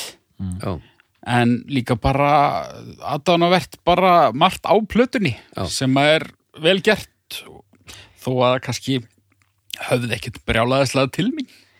Hvernig er þetta svona Mér finnst hún betri heldur um platan á eftir. Mér finnst þær samt uh, mér, ég, ég hugsa svolítið um þær saman í knippi núna. Já. Er það uh, rétt metið hjá mér? þú ætlar að segja fyrst Baldur. Uh, maður ekki. Sko, ég ætla að nefna eitt á, áður en ég svara þessu að mér finnst líka eitt í þessu að þarna er hljómsveitin kom með orð á sig fyrir að vera svolítið svona listaband. Mm. hún hefði aldrei geta gert neina aðra plötu en Kid A í rauninni sko. Það hefði verið algjörlega mótstöðu við hljómsveitina ef það hefði verið framhald af hérna OK Computer. Já. og við þurfum líka að hugsa um forsendur. Ég held að þessi menn séu í bandi til þess að vera tilraunakendir og, Já, og, já. og pússa. Já, þannig að þú færð ekkert annað frá þeim heldur en eitthvað svona sko. nei, nei, ég held að ég er alveg að kaupa það sko. Ég heldur hefði alveg komist upp með að hafa plötu þannig á milli. Þar sem að hérna, hefði verið kannski meira í þessa átt uh, en á OK Computer en, en eitthvað smá. En þú veist, þess var augljóslega ekki þörf. Þeir bara gerðu þetta svona og, og, og það má ekki segja að þeir hafi klúðrað ferli sínum með því. Nei, nei, nei. en þessi tilhörna þorsti, ég held að það sé alveg rétt sko þeir séu ekkert en er ekki svolítið langur tíma á milli þeirra líka? Á, þrjú ár, Kemur, er hún 2001? 2000 nei, 2000 2000, já ok. Það var, sem Ég fannst sagt, þess að hún væri aðeins yngri 2002-2003 það var hérna, skrifblokk í, í yfirferðimerkingu í gangi. Já, hann, hann gat ekki samið sko. Það var, það var allt, allt, allt stíplað Allt stíflað. En sko en það er rétt sem þú segir ykkur, Amnesiac var tekin upp bara í sömu, það var tekið upp í beit sko. Já er það? Já. Þetta veist ég tekið upp í beit, þannig að Amnesia kemur bara út áttamánuðu síðar. Já, og það er- að koma út núna endurútgáfa. Kit Amnesiac latir. Já. Kemur út saman hérna endurútgáfan sko. Kit Amnesiac ég, ég er svo heimskur sko. ég, ég sá þetta og ég bara, Kid Amnesiac hvað, hva? og ég, var ekki að tengja við að næsta plata heitir Amnesiac ég bara, hvað hva kjafta er þetta já, þetta hlýta að vera eitthvað bjelliðar en þetta er sérst bara, Bara það. samansplæsingur Já, Já. samansplæsingur gefið út saman en ég er svolítið illa svo en þessa dagana mér finnst að því að hún er miklu lagari Amnesiac sko. Já, ekki leiðileg samt, en bara svona, ég, ég skrifaði dóm um hann í morgunblæðinu og fyrir svona var Kit B. Já, já, er wow, wow. sniður. Og Já. ja. stendur við þann dómalög eins og Já, mér finnst hún bara mér finnst þetta að vera svona rest af já, bara allt góða stöffið er á, er á Kid A og sem bara, heyrðu, hvað með þessi sem hún líka tekin upp? Jú, gefum það bara út. Já, aðeins verri, en allt í lægi þetta, þetta sleppur allt til og vel það sko. Já, en þú veist, eh, eins og ég sagði aðan, þú veist, æ, nú er ég byrjað að segja að þú veist ekki það mikið aftur, sorry, ég kom inn í þetta session, ég bara, eða ykkur, nú verður þú að fara að passa þig. en hérna, Amnesiac, þegar ég var að hlusta á Kid A þá, eh, eins og ég sagði aðan, þetta höfði kannski ekki alveg til mín að stekki leðilegt og, og bara rann ljúflega niður. já, Svona á stöku stað á Amnesiac þar sem að örlaði á smá pyrringi svona, Já. Ugh, já, já. ugh. ég legg til núna, ég legg til að við förum tiltölulega hratt yfir sögu í framhaldinu upp á plötur að gera og reynum síðan að skilja stóra samhengið í restina. Ok. Eh, við erum þá stökkum fram um tvö ár. Það er Hail to the Thief mér finnst það vera bara lakasta Radiohead platan yfir höfuð mér finnst, þú veist, hún er það eru lögatna og melodíur og hún er tildurlega eðlileg en hún var ekki að gera neitt fyrir mig á sínu tíma og gerði ekki heldur núna ég rendi núna og ég tók vall eftir henni sko. Mér fannst hún bara ljómandi fín, sko. Mm. Í svona allt í lægi skilningi eða aðeins meira bara aðeins meira, út af því Já. ég var búin að heyra það að, að það væri svolítið fussað yfir henni. já, Svona eins og þeir hefðu verið á einhverju vegferð og horfið síðan frá henni. já, einmitt aftur í eðlilegri heitt Já. En mér finnst hún samt ekki, uh, mér finnst hún ekkit eitthvað bynd músíkskref tilbaka, þú veist, mér finnst hún ekki minna með eitthvað á þessar eldri plötur. Mér finnst hún rosa bandarísk. já, ok Ég veit ekki alveg af, af hverju. það eru þetta að vera fjallum bús hana, heiltuðu þýf, hann er þjófurinn Er hann þjóðurinn? Ok. Mér finnst bara, hérna, uh, þarna komst þið næst í að greina eitthvað smá galsa. Í okkur hann klæðið Já. er smellur innan stúdíu Sko, spila gleði er náttúrulega leiðilegast orð í heimið. Þú getur bara hent því á hvað sem er og engin veit hvað því er og ekki einu svona þú sjálfur. En hérna, mér spínuðu svona eins og þeir hefðu bara ef þessar tvær og undan hefðu bara verið algjört flopp sem þær voru alls ekki Nei. að þá hefðu svona, heyrðu, gerum skemmtir þetta þurr. Já, einmitt. Já, já. Þetta er þetta mjög heavy stöf þannig undan. Bara, og, me- ok, kompjúter er líka mjög heavy, sko. Þannig séð. En byrja, er það ekki þessi, þessari plötu leki þarna? Er það ekki þessi? Nei, það, það er næsta, sko. Ertu að tala um, Heiltuðu þýf er ég að tala um. Henni er leki þarna ókláraður á netið eitthvað. gæti verið, Já, ég held að það hefur verið, eh, ég get verið rúglega. sko, ok, haldum áfram. Fokkaði eitthvað upp, útgáfu eitthvað, bleið, bleið, bleið. 2007 kemur platan In Rainbows út. Já. Já. Og hún var þá að prófa svona nýtt mótel í sölu. Já. Að hún bara, gerðu svo vel. Viltu borga 0 krónur, viltu borga 10 krónur, viltu borga 1000 kall. Bara platan er þín. Þú getur halað henni niður, það kom bara síða. Já. Getur, getur halað henni niður. Ég held að það hefur verið svolítið af því að, að það var svo mikið fokk upp með útgáfunum síðust að því að henni var lekið, sko, þá var hann ekki tilbúin. Já, já. Það fór ógeðslega í töðun á þeim Ok, ok. já. og, og samt var ekki sérst, útgáfudagurinn ekki, ég man ekki nákvæmlega hvernig það var, útgáfudagurinn var sá sami samt en þetta voru alveg fleiri vikur held ég svo ef ekki mánuðir En það voru margir fúlir yfir því að hæsta, ri, hæstu riðin, hvað heitir þetta? Bitrið, var 156 já, sem er, þú veist, 192 er svona það er svona eðlilegt já, kannski, og svo er farið alveg 256 og já, 220 220 er svona fancy, 80 Býtu hvað, uh, þá á official já, útgáfunni? já, hún fór ekki hærra en 156 Þegar, í niðurhals elementinu sko, á hvaða formati var maður að downloada það bara MP3 held ég sko já, það er náttúrulega Handónýtt. það getur bara ekki verið að hafa verið MP3 Nei, það getur verið eitthvað annað en, En kannski þótti það ekkit eitthvað hrikalegt þá. manna vinu minn sa- vinur minn, 2007, vinu minn var brjálaður yfir þessu nefnir 2007 MP3 Já, ég held að ég hef alveg verið brálaður 2007 yfir lélugum MP3 sko. En Nei, ég, sko, við vorum að það, þetta er Ívar Páll Jónsson, vinnu minn, og einmitt, þetta er 2007, hann sagði bara 156, þetta er bara hlægilegt, sagði hann, sko. Þú veist, þetta er ekki, þetta er ekki bóðulegt, sagði hann. þetta var einhvern veginn það sem 128, beint í recycle bin. var það þannig Já, já, já. já. Ég man að flakk og veif mm. eldingarleikurinn var að byrja þetta strax sko. En hérna, en það er svolítið eitt, eitt aldrei með flakk og veif djúfis, djúfis þáttur að það að vera einhver svona breskir vinir Sko- annari bangsi já. Hérna, mér finnst þessi plata, In Rainbows, uh, það, það er svolítið fyndið að það eru margir sem vilja meina að þetta sé besta plata Radiohead. Mér finnst rosa margir talum hann rosa oft Já. Og þetta er mjög góð plata og skemmtileg. hún fær æmintilega dóma þegar Já. hún kemur út manni uh, já, ég held líka að að blæbriði innan Radiohead séu bara, við erum að með svolítið háan standard sko, heilt yfir þannig að þegar maður er full á móti eitthvað þá er það svo langt frá að það sé eitthvað að sko. þá er þetta bara eitthvað sem man, hendar mann ekki eða, eða er ekki alveg jafn gott og stórkostlega mestarverki sem kom út fyrir nokkrum árum þetta er svolítið þannig fílingur Já, ég meina, já, já, ég algjörlega, ég þeir, þeir er ótrúlega stað, þú veist, og umtalið alltaf eða fréttist af að það væri að koma ný plata með reytið, þá fer alltaf stað, sko, já.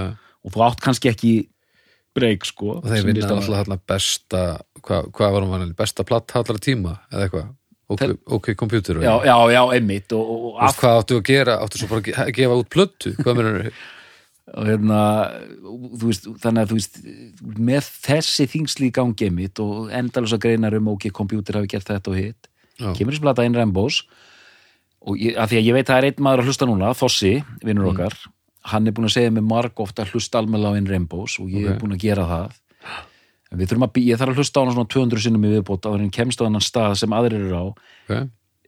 Bands og OK Computer og Kid Day hafa þennan bara gamla, þetta gamla tak á mér að ég er ekki tilbúin fyrir Inner Rainbows strax en mér finnst hún samt frábær sko. Ég hugsaði nákvæmlega þetta þegar ég var búin á rúlinni Mm. mér fannst hún ekki leiðileg en ég hugsaði þetta er eitthvað sem ég þarf að hlusta svolítið oft á. En þú eru heyrt þetta um- tal líka? Ég hef heyrt þetta tal og þess vegna hafði ég eiginlega gert ráð fyrir því að hún væri svona tilraunakend eins og Kid A. Mm. út af því að svona þessi leggur þessi, þessi arti-farti leggur Radiohead fanbaseins Mm hann Hann kann stór.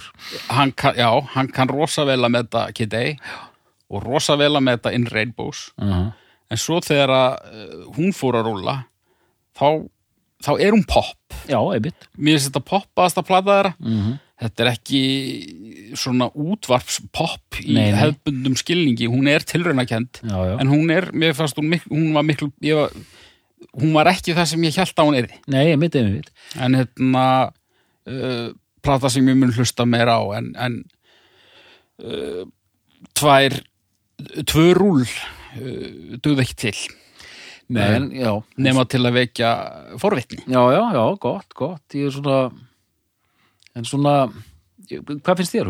Baldur? þekkina bara allt og lítið. Ég bara er fullkomlega uh, ódómbær á þetta. En þetta er bara, veist, bara gott. En ég hérna, ég held að sé bara tvær plötur eftir, já, já, hérna, það, hérna, ég er nefnilega svo, ég er svo hrifin á plötinu sem kom út á eftir. Þar eru við aftur komin inn á Kid Day, hérna, svæði. King of Limps. já. King of Limbs þar eru með draugalegt cover. Lang leiðilegasta reyndjöndpaf djöfull er hún pirrandi. Eru það grínast? Ok, Ói ok. Kóttu með það?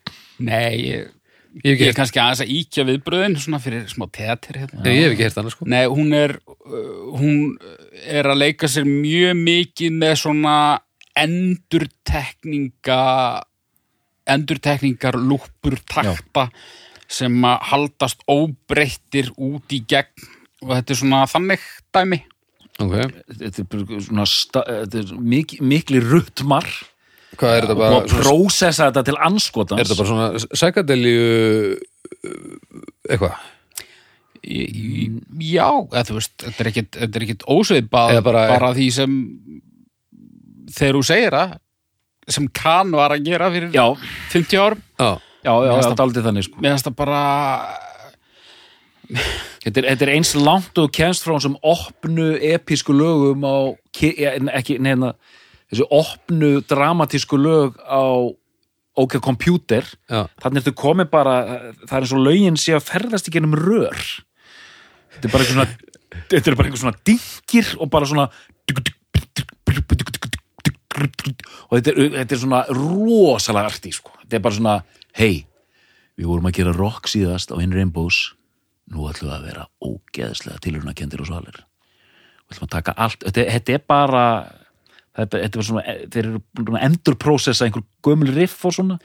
Ég fór bara að hugsa um eitthvað svona djamsessum þeir bara, eða, bara hættum að flæka þetta förum bara í ægahúsnaði og djömmum þetta og sjáum bara hvort það veri ekki eitthvað til. Svo bara duttu þér inn á eitthvað grúf og bara, eru þetta ekki ekki höldum þessu í sjö mínútur. Nefnum bara þessar lúpur eða hvað þetta skal kallast. Mér finnst það bara mikið ekki alveg halda mér í hell lag. Já, já. Uh, þannig tónlist getur við rosa skemmtileg sko. Hún er ekki lög, eða þú veist, platan er 37 mínútur, 37 hálf Já, já, ég bara kannski var ég vandamálið þarna. Þessi ég, Þetta var líka þessi plata og síðasta platan voru einu plötunar sem ég rúlaði einu sinni. Já, ok. Svo öllu sé haldið hér upp á borðum. Já, þessi, þessi plata, þessi King of Limbs, hún endaði í dálitli lúpu Eh, hjá mér, sko. Já, Ég var svona, ég var farin að hlusta á hana aftur og aftur og aftur. Já, já, og ég hafði hlusta á hana dálitið á sínu tíma og að því að hún er ekkert sérstaklega elskuð, sko. Það er, það er ég lengir hrifin af henni, sko. En hérna, já, ok. Nei, já, hún er ekki hún er ekkert sérstaklega vel metin en það er eitthvað þarna og það er svona anti-rock hérna viðhor sem ég er að fíla. Og þetta er mikið svona cut up þetta er mjög unnin músikin Já, og þetta hljómar eins og gítar en þetta er ekki gítar og, og þú veist Trommusándi er mjög lifandi og Já. flott E- e, Það hljóta að vera bara alveg trommur, kannski Já. náttúrulega búið að hvað þetta eitthvað til. Það er ekki búið að vinna þær mikið, finnst mér hljóðið og Selvei, Selvei kvartaði mikið yfir því hann hefði ekki haft neitt að gera hann á Kid Days sko þetta er kannski mm. En hvernig er, fóru þér aftur yfir í að selja uh, plötunar sínar eðlilega er, hafa þær haldið í þetta fórum borgaði bara að verðt í stuði Nei, mér minnir þeir, þeir eru fannir að gera bara svona hérna one-off samninga við hinn á þessa já, sko. ok XL held ég hafi gefið eitthvað út fyrir það sko. Já, já, en ekki svona einhver, ekki verið að prófa einhverja frekari hugmyndafræði það hafa verið, það er alltaf þetta er þetta það eru alltaf einhverja æfingar í gangi og við þurfum að nefna það hérna, hérna það er mikið svona list í kring eins og ja. Stanley Donwood sem gerir öll umslögin mm. Þetta er ofta að fara inn á svona listsýningar og hérna Já, já, já, það er eitthvað svona multi eh, mixed media pælingar á netinu og, og það er alltaf eitthvað svona, svona í gangi sko. við vera, vera að hendi einhverjar hérna, innsetningar og það, það er alveg fylgir þessu bandi voðalega mikið sko. ok Viljum við meina að reyndja við þetta sem mögulega fjölistahópur? nánast sko.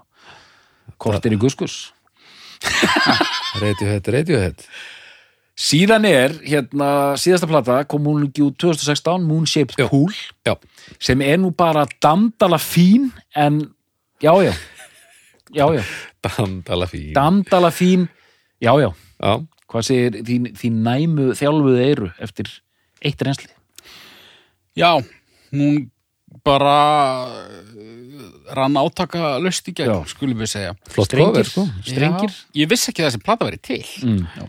Art Rock Chamber Ambient Þetta er eina platan og ég veit ekki hvers vegna því að þó að ég hafi ekki fylst grant með uh, Radiohead uh, í öll þessi ár þá hef ég nú samt alltaf vitað af plötunum Já. og, og heyrt af þeim og heyrt hluti á þeim Já. en ég bara vissi ekki af tilvist þessara plötu. Fór hún látt eða nei ja, jú kannski sko svona fanbaseið ánægt. Þetta er svo plata sem mér finnst koma næst því og ekki á neikvæðan átt endilega, þetta er svona miðaldra plata. Já, já, þetta er plata sem 50 menn gera sko. Já, toppin í Englandi uh, Írlandi, Nóri og Sviss. Og topp 10 alveg löndum út um allan heim sko þannig að já, já, þú ert að gera gott í Sviss það vart í góðum málum. já, það er náttúrulega bara afreik út fyrir sig að koma plöturum inn í landið en þú veist, ég, ég, ég, hef ekkert mónt þessari plötu en þetta er bara svona fær- fín reytjóð hún fær mjög fína dóma. Þetta er svona fjórar til fimm stjörnur bara heilt yfir. Nei, þetta er auðvitað þetta er bara, þetta er bara gott band. Já, er það ekki bara? Og, og einmitt, fólk líka er farið að búast við því að hafa- ekki að búast við einhverju ákveðnu. Er það ekki líka bara svolítið Jú, þessi, heyrið það, þetta er að skiptast á að fólk, það kemur að frekar súrplata King of Limbs já, og þú veist ekkert hvað kemur næst, kemur aftur síra eða kemur aðeins aðgengilegra? Og líka bara mátti eitthvað vera grenja yfir síruplötu þú veist, Nei, er einmitt. ekki, bú, er ekki búin að kenna þér nógu vel Já, já. að þetta bara Já. kemur þér ekkert við þannig, en endilega ertu með. Já, einmitt, einmitt. En já, þetta, hún er sko 2016 Down, já, og síðan hefur ekkert og við vitum ekkert hvort það sé eitthvað Nei, og en það er ekkit það, er ekkit, það er engin úlfúð í, í Radiohead eh, hérna höfustónum sko. Nei, nei, en þeir hafa, er ekkert verið svona með einhverja yfirlýsingar, já, nú erum við að vinna nýju efni í gegnum tíðina, menna ég, eða Nei, sko Tom York sem er nú svona höfuð paurin að mörguleiti mm.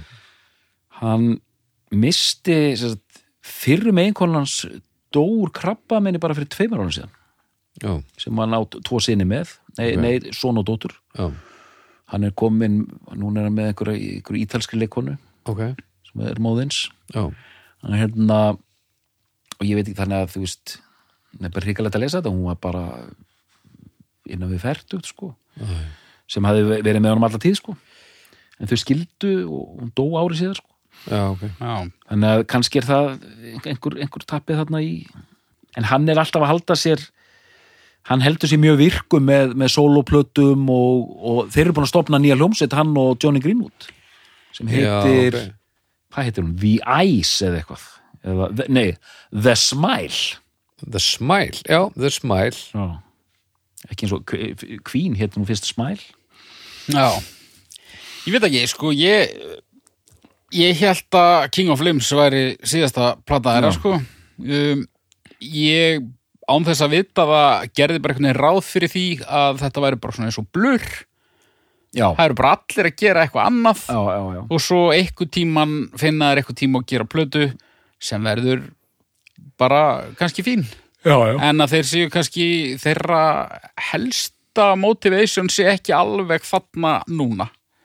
Út af því að hann er að semja fyrir bíómyndir og Já, já, hann- Jork er að gera alls konar og eitthvað. Hann er auðvitað hann er bara, ég get ekki ímynda mér annað en hann sé 100% vinnu sem kvikmyndatónskald, hann, hann Johnny Greenwood. Það lítur að vera. þetta er það mikið sem er að koma út. En þú veist, Já, það er veist- mikið, eru eh, eins og síðasta plata þú, þú segir að, að þetta séu meðaldra menn já, er líklegt að næsta plata verði einhver uh, tímalaus snild er þeir kannski bara betur settir með það sem þeir eru að gera núna? Og svo koma þeir saman á og til og, og, og spila eitthvað staðar? Ég held að ef þessi hljómsveit getur gert þarna bands ótrúleg sko mm, OK Computer sem er alveg ótrúleg mm, Kid A, ótrúleg og gera síðan aftur sérst, nokkru síðar hérna In Rainbows sem er oft kölluð þeirra besta verk mm. Ég held að það gæti alveg gerst að þeirra besta verk kæmi bara á næsta ári sko. Er það samt ekki ólíklegt þegar þeir eru að fá uh, útrás fyrir tilraunamennsku út um allt? Já, að uh, þeir komi saman aftur Já. og far ekki aðeins tilbaka ég- þetta eru bara já, vangaveltur já. ég er líka að spá og því þekki þetta kannski betur að hérna, það eru kannski, kannski eru sumir í reyti að býða eftir að fá, að gera eitthvað alveg bókað mál sko sko Tom York og hérna Johnny Greenwood er alveg fullu þá er Colin Greenwood er kannski bara heru, Já, það er líka, já, ef þetta strandar á sömu mönnunum, þá náttúrulega þarf hver að sjá um sig og ef maður er ófærum það, þá náttúrulega býðum maður bara. Og nú eru tveir uppdegnustu mennindi búin að stopna band Já, að eitthvað, eitthvað post-punk, eitthvað. já, bara, þannig þeir en hann er hann eldri bróðurinn hann Colin Greenwood hann er svo einu sem hefur ekki gert neitt solo sko. já, Djöl, nú vil ég fá kommentin á umræðhópin að vísu, þú veist, ég vil fá radio er nördana í gang Já, hún sást nú þetta ekki áhuguleik sýninguna sem hann sá tónlistin í já, hérna, rjúpan eftir einhvern drulla í einhverjum það var, anskotan. það var CTR 50 eintök já. Nákvæmlega. en hérna, Hann hafði st- hafði stendur eftir heldi stórt hann. en þú vildir ræða stóra já, saman ég vil fá stóra samengið Já, kottum með stóru samingi. Hvað á er ég að gera það? Já, já, þú ert að koma.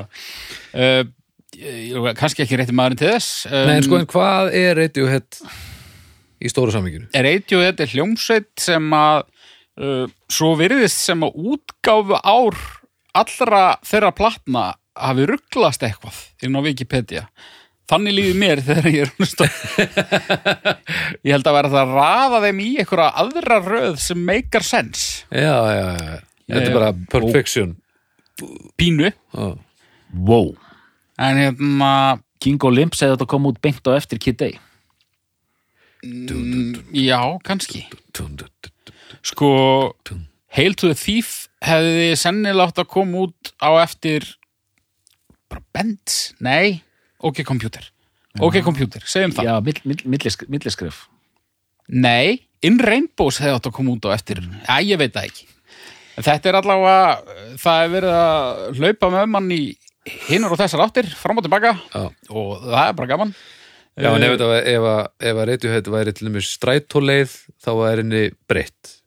Já, ég held það. Já, En, en, en líka eitt í þessu sko, og við- komum aldrei inn á þetta hérna fyrir, að þetta, þetta er hljómsveit hverra, hérna er þetta já, tveir aðskildir aðdándahópar sem bara er ekki, er ekki að tala saman. voru þetta ekki tveir aðskildir aðdóðarhópar hópar og svo er núna bara einn aðdóðarhópur eftir. Ég held þetta, heldur að það sé mikið af gömlu gríphundunum uh, en að, að móast sko. Griphundandi kom og fara eða ekki, þeir fóru bara næsta grip band. Nei, nei, kríphundarnir, já. Já, en, Ég held að vera að tala um já, já, já en, Gít- gítargrip Það sama, það sama Ég held að þeir fíli reytju þetta alveg ja, mikið sko, en ég er ekki alveg vissum að þeir séu eitthvað endilega að, að hérna, leitað gítartaps á netinu fyrir Kid A sko. Nei, nei, akkurat Nú vil ég samt tala með þetta fólk að virðingu vegna þess Já, að Já, já, en þetta er allt, eh, taki, eh, það er svo allir að taka létt. Já.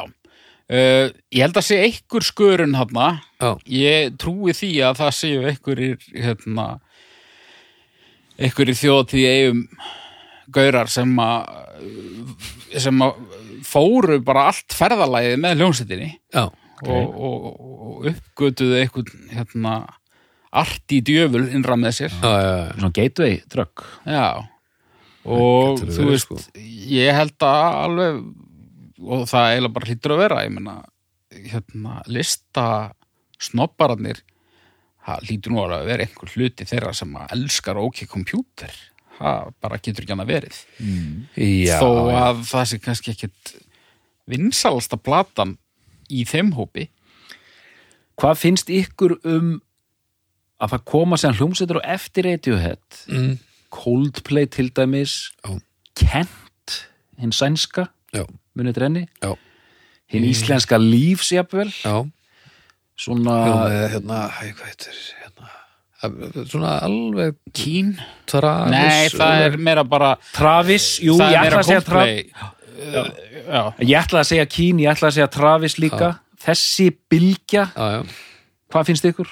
Þetta er kannski, þetta er meira post-Coldplay band heldur en post-Radiohead. Já, ég, ég leiðir þetta sjálfa mig með Kín sko, mér finnst það einmitt vera meira post-Coldplay sko Ég veit það ekki og þið náttúrulega rættu þetta í einhverjum af þessum Britpop þáttum ykkar hvert fymta bandi væri Já, Vörf, var það ekki? Jú, en, Supergrass. en, en þú veist hvað erum við samt að tala um sko er Radiohead þarna inni? Voruð þið með Radiohead í Nei, þessu mengi? nei, það er, þetta er um ekki list sko. Nei, það Þetta kom- er út um allt. Já, það, það en, kom sko, ekki til. en sko fyrstu þrjár plöturnar eru ef að þeir hefðu bara hætt eftir þær væru Radiohead ekki þá Jú, innan þessa mengis? Veist, uh, Mér persónulega finnst þetta að vera svona ef við ættum að tala um fymta bandi þá var það annarkvort Supergrass eða Vörf og ég er ekki að segja það hlustar enginn á Supergrass enginn í heiminum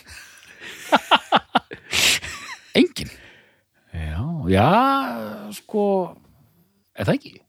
það get ég ekki ímyndan ég held að þetta sé ég- mér finnst það allt, þetta, þetta er bara fínt en þetta er ekki það sama sko. Nei, sko, mér finnst en sko hinn böndin eru náttúrulega heldur ekki það sama. Það er enginn samhljómur með þeim. Þannig lagað. Mér, ég veit ekki, mér finnst, mér finnst einhvern veginn svo, og ég er ekki að segja að því að Radiohead sé merkilegri, mér finnst nú bara einhvern veginn vera algjörlega sitt stak einhvern veginn, aftur, og ekki að það sé eitthvað merkilega, ég einhvern veginn kemur svo bara ekki heim og saman, sko. hún er rosalega hún var rosalega hæpuð og hún stendur undir í og fyrir vikið er hún komin á hvern stall sem er uh, fáránlegur að vera á á lífi, einhvern veginn. En, en minna, og það gerist rosalega hratt, þú veist Það og kompjúter er bara valin besta plata allara tíma og það líður ekkert nógu langur tími frá því að hún kemur út þangað til einhver ákveður það til þess að það sé hægt að sannrenna að það sé rétt mér líður þannig sko Það er mér ekki tjartansmál að þeir séu teknir með í Britpopið sko. Ég bara Nei. hef ekki hugmynd um hvað er svona almennt mat en það er enga síður þannig að það er fullt af lögum hann á fyrirpart ferilsins sem að eiga svona uh, eiga heima með þessari bylgju svona ef við förum bara eftir hvernig lögin hljóma sko. já, já. og þeir hafa alveg verið nefndir í einhverjum út, úttektum sko. þó þeir hafa alltaf verið svona outliers sko. En sem áhrifavaldar, hvernig er það að hafa áhrif? Það er náttúrulega bæði, já, það sem við erum búin að nefna núna en eins og hann sem söngvari, það er talað mikið um hann sem söngvara, mm -hmm. sérstakur söngvari, já góður söngvari mm uh, og svona óhefðbundin á, á, á, algjörlega og ég meina klár Já. og svona klár hugmyndasmiður. Ég held þetta besti músikantin í bandinu er líklega Johnny Greenwood sem er svona multi-instrumental gaur. Já, en áhrifin liggja væntanlega í því að það sé hægt að gera edgy, tilrunakenda músík í einhvers konar mainstream samhengi. Já, já það voru áhrifin, ég veit bara ekki hvaða hljómsið við getum nefnt sem svona Þetta er bara eins og alltaf þegar við þurfum að finna ykkur samlunar af, það. Er Björk Björk er búin að þessu öllu svo. já, já, já, Eða aðeins að um orðið hliðstæðalust eða er það of of hvað er með það? er fínt sko. Mér langar aðeins að tala um Björk. Og mér langar aðeins að tala um Sigurós uh, Sigurós uh, held ég að hafi verið uh, snemma Já. undir áhrifum frá Radiohead en er þessu líka öfugt farið? Eru Radiohead uh, eftir OK Computer undir einhverjum áhrifum frá Sigurós vegna þess að mér finnst það stundum hljóma þannig. Já. Ég, ég held að það getur bara vel verið sko. og mér finnst stundum hljóma eins og þessu bara undir beinum áhrifum frá Björk sko. sérstaklega á þessum tveimur blutum. Kid Day og Amnesiac Já, Það er hérna, þið viti að Sigur og svo reytið unnu saman að tónlist. Ég vissi það ekki en ég gerði bara ráð fyrir því og að sjálfsögðu tónlist fyrir ballett. Ok, hvað annað, já, já. Þannig að fyrir Merce Cunningham heitir. Já, þetta er það sem við hálfvitar sem neyfið, já, já, einmitt, einmitt, það var það sko. Ég meina ef að þessar hljómsveitir hefði ekki skarast neitt þá hefði bara verið eitthvað að Já. í heiminum. Nei, nei, einmitt, einmitt, mörg líkindi algjörlega. Og ég meina, mér sé bara þau uh, báðir með svona uh, sérstæð augu, hérna forsöngararnir, Já, hérna Jónsi og, og, og Tom York, hann er svona latt auga, hann Tom York sko. já, og svona og, Sigurós var kannski ekki jafn stór og reytjó en þeir voru líka fárlega stórir og líka kannski eins og Björk. Fárlega stórir í, í meginstöfnum með að við hvað músikin var súr. Já. Já, og stærri en við gerum okkur grein fyrir hérna heima. Já, ég var bara að velta þessu fyrir mér. Ég, Já. Það, var eitt af fjölmörgum hugsunum sem er unnum í gegnum huga mér á meðan ég satt í gerkvöldi og fyrrakvöld og kvöldið þar áður og, Já. og reyndi að skilja þessa snild já, já. Er þetta snild? Er þetta fíblagangur? Hver veit? Hver veit þetta tilgerðarlegt rusl eftir allt saman Nei, mér fannst það náttúrulega aldrei sko. og ég, ég, ég- var í miklum áhættuhóp samt Já. fyrir að finnast það Sko, ég er nefnilega, nú ætlum við bara að fara að slaka úr í uppgjörið Mhm. Og mér heyrist haukur bara að vera byrjaður Ég er bara að byrja þær, já, já, já. með þetta? Sko, uh, Benz var greinilega minn grunnur bara alfarið Mm. ég bara, virtist bara valla hafa heyrt í Pablo Honi Benz var uh, plata sem að ég hafði skilið eftir bara eitthvað staðar um miðbygg tíunda áratugarins og lá bara út í vegakanti eins og upplituð hæs í ferna sem að enginn veitti aðtekli Já, En svo þegar ég hlusta á hana núna þá fannst mér hún bara frábær og það frábær að ég er bara að fara að hlusta á hana aftur og aftur. já, já, já, Uh, ok, computer tók ég loksins í sátt eftir að hafa já. aldrei hlusta á hana en samt uh, orðið fyrir henni óhóflega. já, já. Restin af ferlinum, þar er ég bara enn að læra og, og uh, já, ég veit ekki hvernig þetta endar allt saman. Ég ætla nú, ætla nú að rúlla inn Rainbows kannski eins og tvisara viðbót fyrir að þossa, eða ekki? Jú, Fyrir að þossa, þú, ætlar að reyna Sem var nú samt eitthvað drull yfir okkur á þeim daginn. Ekki hvað við erum að búka upp á hann. En hérna, já, bara skemmtileg, skemmtilegri hljómsveit en uh, ég stóð í menningu um, um daginn. Ok, Takk fyrir mig. doktor? Uh, já, og nei, það kemur senna. Já, doktor? uh, uh, Já, ég nefnir sem sagt vel Kid A sem bestu plötu Radiohead Mhm. og alltaf rauksemdir svo sem komna fram bara þú veist, Bands, OK Computer Kid A og In Rainbows allar þessar plötur hafa nefnd þessi besta plata Radiohead, mér finnst bara hún kom mjög harkalega og glæsilega og djarflega inn á sínu tíma A svona hljómsveit sem ætlaði alls ekki að láta nappa sig í endur, endur teknikarsömu Nei. rugli. Já, og bara glæsilegt verk á allan hátt og endurlustaði rækilega fyrir þennan þátt og bara svona bara já, töff. Og þú veist, þó að þú veist mikið bara svona eitt flæði dálítið sko, þetta er stemning sko út í gegn sko, já, já. Og bara, ég man ekki endilega hvað öll lögin heita eða neitt sko, þetta er bara svona rosa flott atmú sko, þannig að þannig að það er svona mitt útspill Mjög gott. Þannig að Doktor, er þetta besta plata Radiohead? já, Haukur, er þetta besta plata Radiohead? Nei, vegna þess að ég er greinilega bara bólurinn. Nei. Við þakkum fyrir í dag og við heyrumst að vikuliðinni.